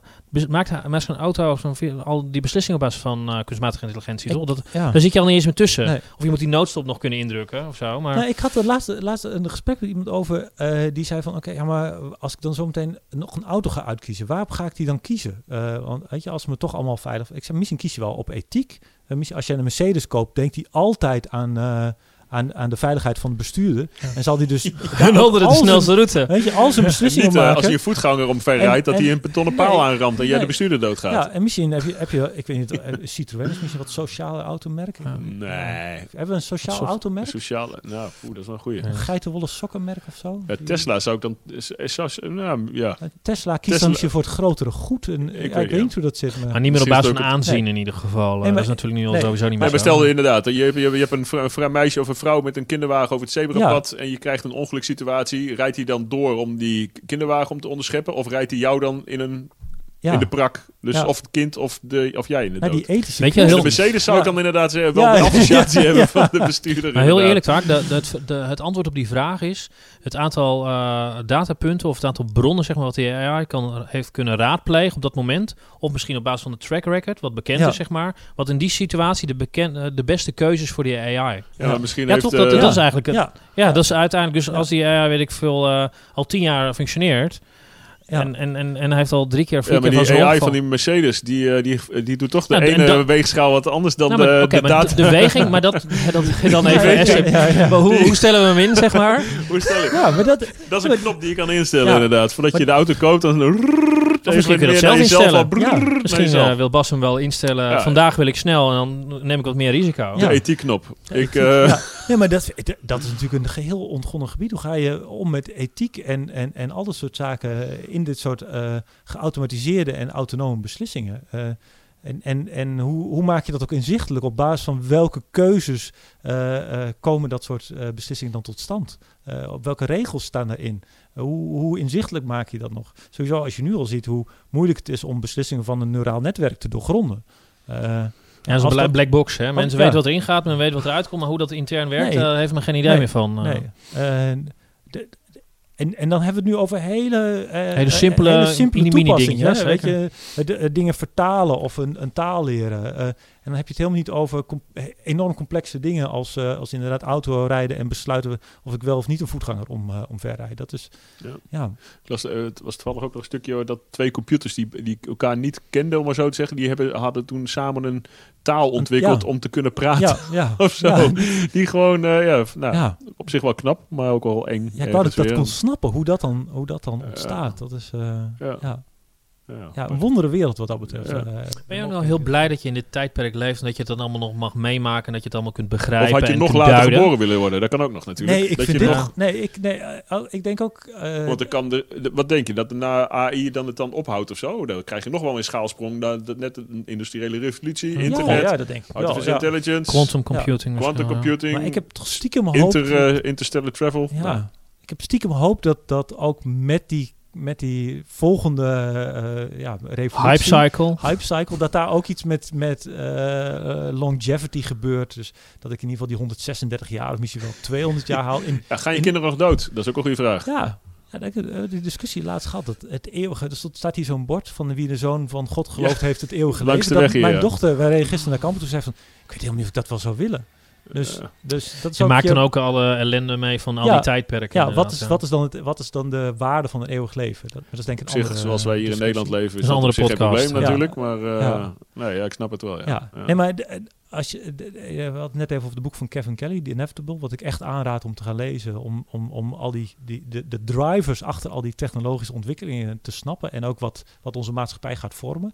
En daarin zegt hij ook van, we, we komen in een, een state of becoming en, eh, en dat, dat dit een, weet je, we, worden constante newbies en worden verrast door die exponentiële technologie.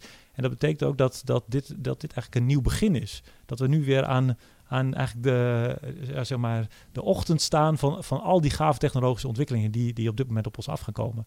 Met En, alle eh, mogelijkheden en bedreigingen en alles wat erbij hoort. Ja, en, en dus ook een heel, echt een, een hele nieuwe eh, eh, eh, shift in, in, in, in perspectief. Ik denk dat we op een. En dat is best lastig. maar jij, jij kan er nog aansluiting op maken. Jij kan er nog duiden. Wij kunnen het erover hebben, zeg maar. Mhm. En eh, filosoferen. Maar er zijn ook mensen die, zeg maar, daar compleet op afhaken, zeg Ja. maar. En niet afhaken omdat ze daar een energielekkage op hebben. Maar gewoon dat ze het niet begrijpen. Nee. nee. En ehm, dan is maar de vraag hoe snel de wereld gaat, zeg maar. En hoe snel die oude wereld voor hun ver gaat, zeg Ja. maar. Ja, toch? Dat, dat, eh, Nou, ik denk dat daar ook de kunst ligt van hoe kunnen we die technologie zo maken dat die voor iedereen eh, toegankelijk is en te begrijpen is. Dus die of technologie. ieder op een eigen ja, moet, niveau moet of daarin aansluiting. ondersteunen. Kijk, het, eh, eh, eh, bijna iedereen kan een gesprek voeren. Als technologie dus dat gesprek kan snappen en daarmee jou kan helpen om je doel te bereiken, dan is dat hartstikke mooi. Als ik een formulier van de Belastingdienst nu voor me ogen, snap ik er geen zak Ik van. zie iedereen invullen. Weet je? Eh, eh, daar heb ik boekhouders voor. Dus, Alexa, dus, eh, nou ja, vul de wat mooi als dat, eh, als dat zou, zou ik wel Zeker. gaaf vinden. Als de eerste goede oplossing voor hele boekhoudkundige problemen, die zou ik echt gewoon zo voor lappen. Voor echt totaal ontzorgen. Maar eh, eh, Denk je dat eh, AI kan een uitvinder kan zijn? Dat hij creatief genoeg wordt dat hij iets kan uitvinden? Er wordt al geschilderd, hè? Ja, schilderen. Ja. Maar gewoon iets technologisch. Dat hij gewoon eh, research pleegt. eh, eh, bijvoorbeeld een, warp, een wormhole kan maken of zoiets. Dat Ja. hij daar de techno of eh, iets energiebron ontwikkelt, ontdekt Ja. of zoiets. Dat hij, eh, weet ik veel. Voorspellend ik, ook, Ik denk wel, Voorspellend. weet je, als je op een gegeven moment kan gaan experimenteren. En ik denk dat ook heel erg zit op associëren. Dus eh, wat, wat wij hier natuurlijk willen te doen is, is eh, oh ja, ik heb laatst dit artikel gelezen. En, Ja, ja. dus, dus van, van het ene punt via een associatie naar een ander onderwerp hoppen. Ja, Ik denk op het moment dat je dat in een AI kan bouwen, dus hoe kan je associaties leggen tussen verschillende dingen die niet per definitie logisch gekoppeld lijken, dat je dan ook op eh, dingen kan gaan bedenken en, en kan gaan uitvinden. En ik denk dat je er een experimenteermechanisme eh, op moet zetten. Maar wat is de beloning? En ik denk dat iets nieuws verzinnen, hoe weet je dat het goed is wat je verzint? Dus eh, kijk, een, een, een AI heeft. Het is ook altijd de variatie van iets van, van bestaande dingen die bij elkaar Ja. raadt wat een nieuwe toepassing maakt. Hè? Ja, je hebt, ja, dan kom je echt op het gebied van convergence, Ja. waar- waarbij, waarbij twee dingen die niet ogenschijnlijk met elkaar te maken hebben, toch samenvloeien en daarmee iets nieuws creëren. Eh, maar wat een, wat een AI nu doet, die, heeft, die krijgt, voed je vaak data en zegt: Oké, dit is de wenselijke uitkomstdata. Ja. Wat is de wenselijke uitkomstdata van een uitvinding? Dat is iets nieuws. Mag ik- dat, is, dat is best moeilijk. Eigenlijk is de toepassing dus al drie jaar geleden toen IBM Watson, zeg maar, zo op basis van, heeft een aantal eh, st- eh, vijf of vier sterren restaurants Ja. met Michelin. Hebben ze gewoon eh, een aantal dingen die niet bij elkaar passen, zeg maar, eh, in een menu gezet en hebben ze gewoon mensen laten proeven. Dat bleek ontzettend lekker te zijn, zeg maar. Dus eigenlijk is dat min of meer al de Dat, eh, toepassing van, jou, Ja. van jouw vraag. Ja, Ja, toch? Op basis van- Ja, op maar- basis van eten, ja. Maar goed, van eten maar- dat is meer combineren van smaken. Ja, maar ook een omdat- ja, ja, dat Ja, is wel een mooie de AI maar- weet niet of dat goed is. Dus, Nee, dat weet hij dus- niet. Nou, dus- hij had wel een soort, eh, ja, dat had ik ook al gelezen inderdaad. Hij had, kon wel eens aan, aan de hand van zoet en zout en dat soort dingen had hij wel iets, een, een soort... Nou, ook wel op basis van associaties, zeg maar. wel. Een soort van associatie, had hij wel iets, ja. Maar echt compleet nieuw nee. Was het volgens mij Dit was niet. trouwens ook een marketingverhaal vanuit IBM Watson. Ja, maar dan, natuurlijk. dan Dat zit je ook. meer op het remixen van, van, van bestaande dingen al te denken. Ja, maar er waren, er waren sterrenkoks in de wereld die, die, die waren zeg maar eh flabbergasted. En Ja. ze waren onder indruk van die, die AI kwam met dingen. Wat de Nou, is combinaties zijn inderdaad. Waar ze ja. zelf nog nooit aan hadden gedacht, zeg maar. nee, dat snap ik wel. Ja. Ja, nou goed. Ja, Kijk, je hebt natuurlijk pindakaas en haagslag dat lekker bij elkaar is. En je hebt eh pindakaas en sambal. Pindakaas is en sambal. Ook met kaas of niet? Pindak- ja, ik, hoef dan geen kaas, maar pindakaas en sambal is wel echt lekker. En eh, nou, maar dat soort dingen. Maar op, de- op de een of andere manier wi- wist Watson dus ook een andere smaakcombinaties te, te, te bedenken die niet zo heel voor de hand lagen. En die wel heel bijzonder waren, toch blijkbaar. Die waar sterk, waar ook niet echt in, in, in kookboeken over geschreven was. Dus Nee. dat is wel apart inderdaad. Maar hoe nieuw kan het? Maar ik bedoel echt uitvinding, uitvinding. Dit zijn smaken van die al bestaan op zich. Die je combineert tot iets, tot iets nieuws. Maar echt gewoon, ja, buskruid bij wijze van spreken. Ja, Ja, Eh, penicilline. penicilline, Ja, ja. dat soort dingen. Gewoon het, op basis van... ontdekken. Ja, aan de het andere echt kant, ontdekken. Ja, Maar met, met modellen, zeg maar, met data, worden er eigenlijk al eh, in het klein... Ik weet niet wat je onder definitie uitvinding verstaat, maar er worden er al nieuwe dingen uitgevonden, ja, toch? Dus nieuwe modellen bijvoorbeeld, die weer afgeleid zijn van oude AI-modellen... of eh, dingen die, die weer bij elkaar gebracht worden. Wat uiteindelijk die, die mooie videofeed, dat je tekst aanpast... en dat je Bas wat anders laat zeggen, Ja. zeg maar. Maar, Ja, maar dus, i- ik, denk dat daar zit, ik denk dat de crux echt zit in van wat is de uitkomst en wanneer is de uitkomst goed. Dus hoe geef je de feedback over dat, dat de uitkomst wat zo'n AI dan, dan gegenereerd heeft of bedacht heeft, dat dat het is, dat dat ook iets is. Hoe geef je daar waarde aan en eh, ja, hoe, Ja. hoe stuur je? Maar eigenlijk zeg je heel simpel, eh, ik wil dit graag als resultaat hebben. Je mag, er tien, je mag er tien minuten over doen. Nou ja, nee, je geeft een bepaalde input mee en, dan- en dan komt dat, komt dat eruit, zeg maar. Nee, nee, nee, ik zeg niet dat het zo is. Nee, nee, nee, maar even nee, gechargeerd, nee. zeg maar. Dus ja, dat zou, dat, Ja, Dat zou heel debiel zijn. dus eh, ja. Ehm, wil je ons nog wat vragen, Bas? Ja, ja we hebben het inderdaad de hele tijd over AI en, en voice. De- wat is het iets wat, wat, jij, wat vraag jij, eh, Raymond, het meest aan jouw voice-assistent? Wat ik het meest aan mijn voorstel is eigenlijk het licht aan en uit. Ja, toch wel, hè? Ja. Ja. En weet je wat ik heel mooi... eh, als Sammy eens beneden zeg maar eh, aan het gamen zijn... en ik zit boven, want ik heb ook zo'n voice assistant in mijn badkamer staan.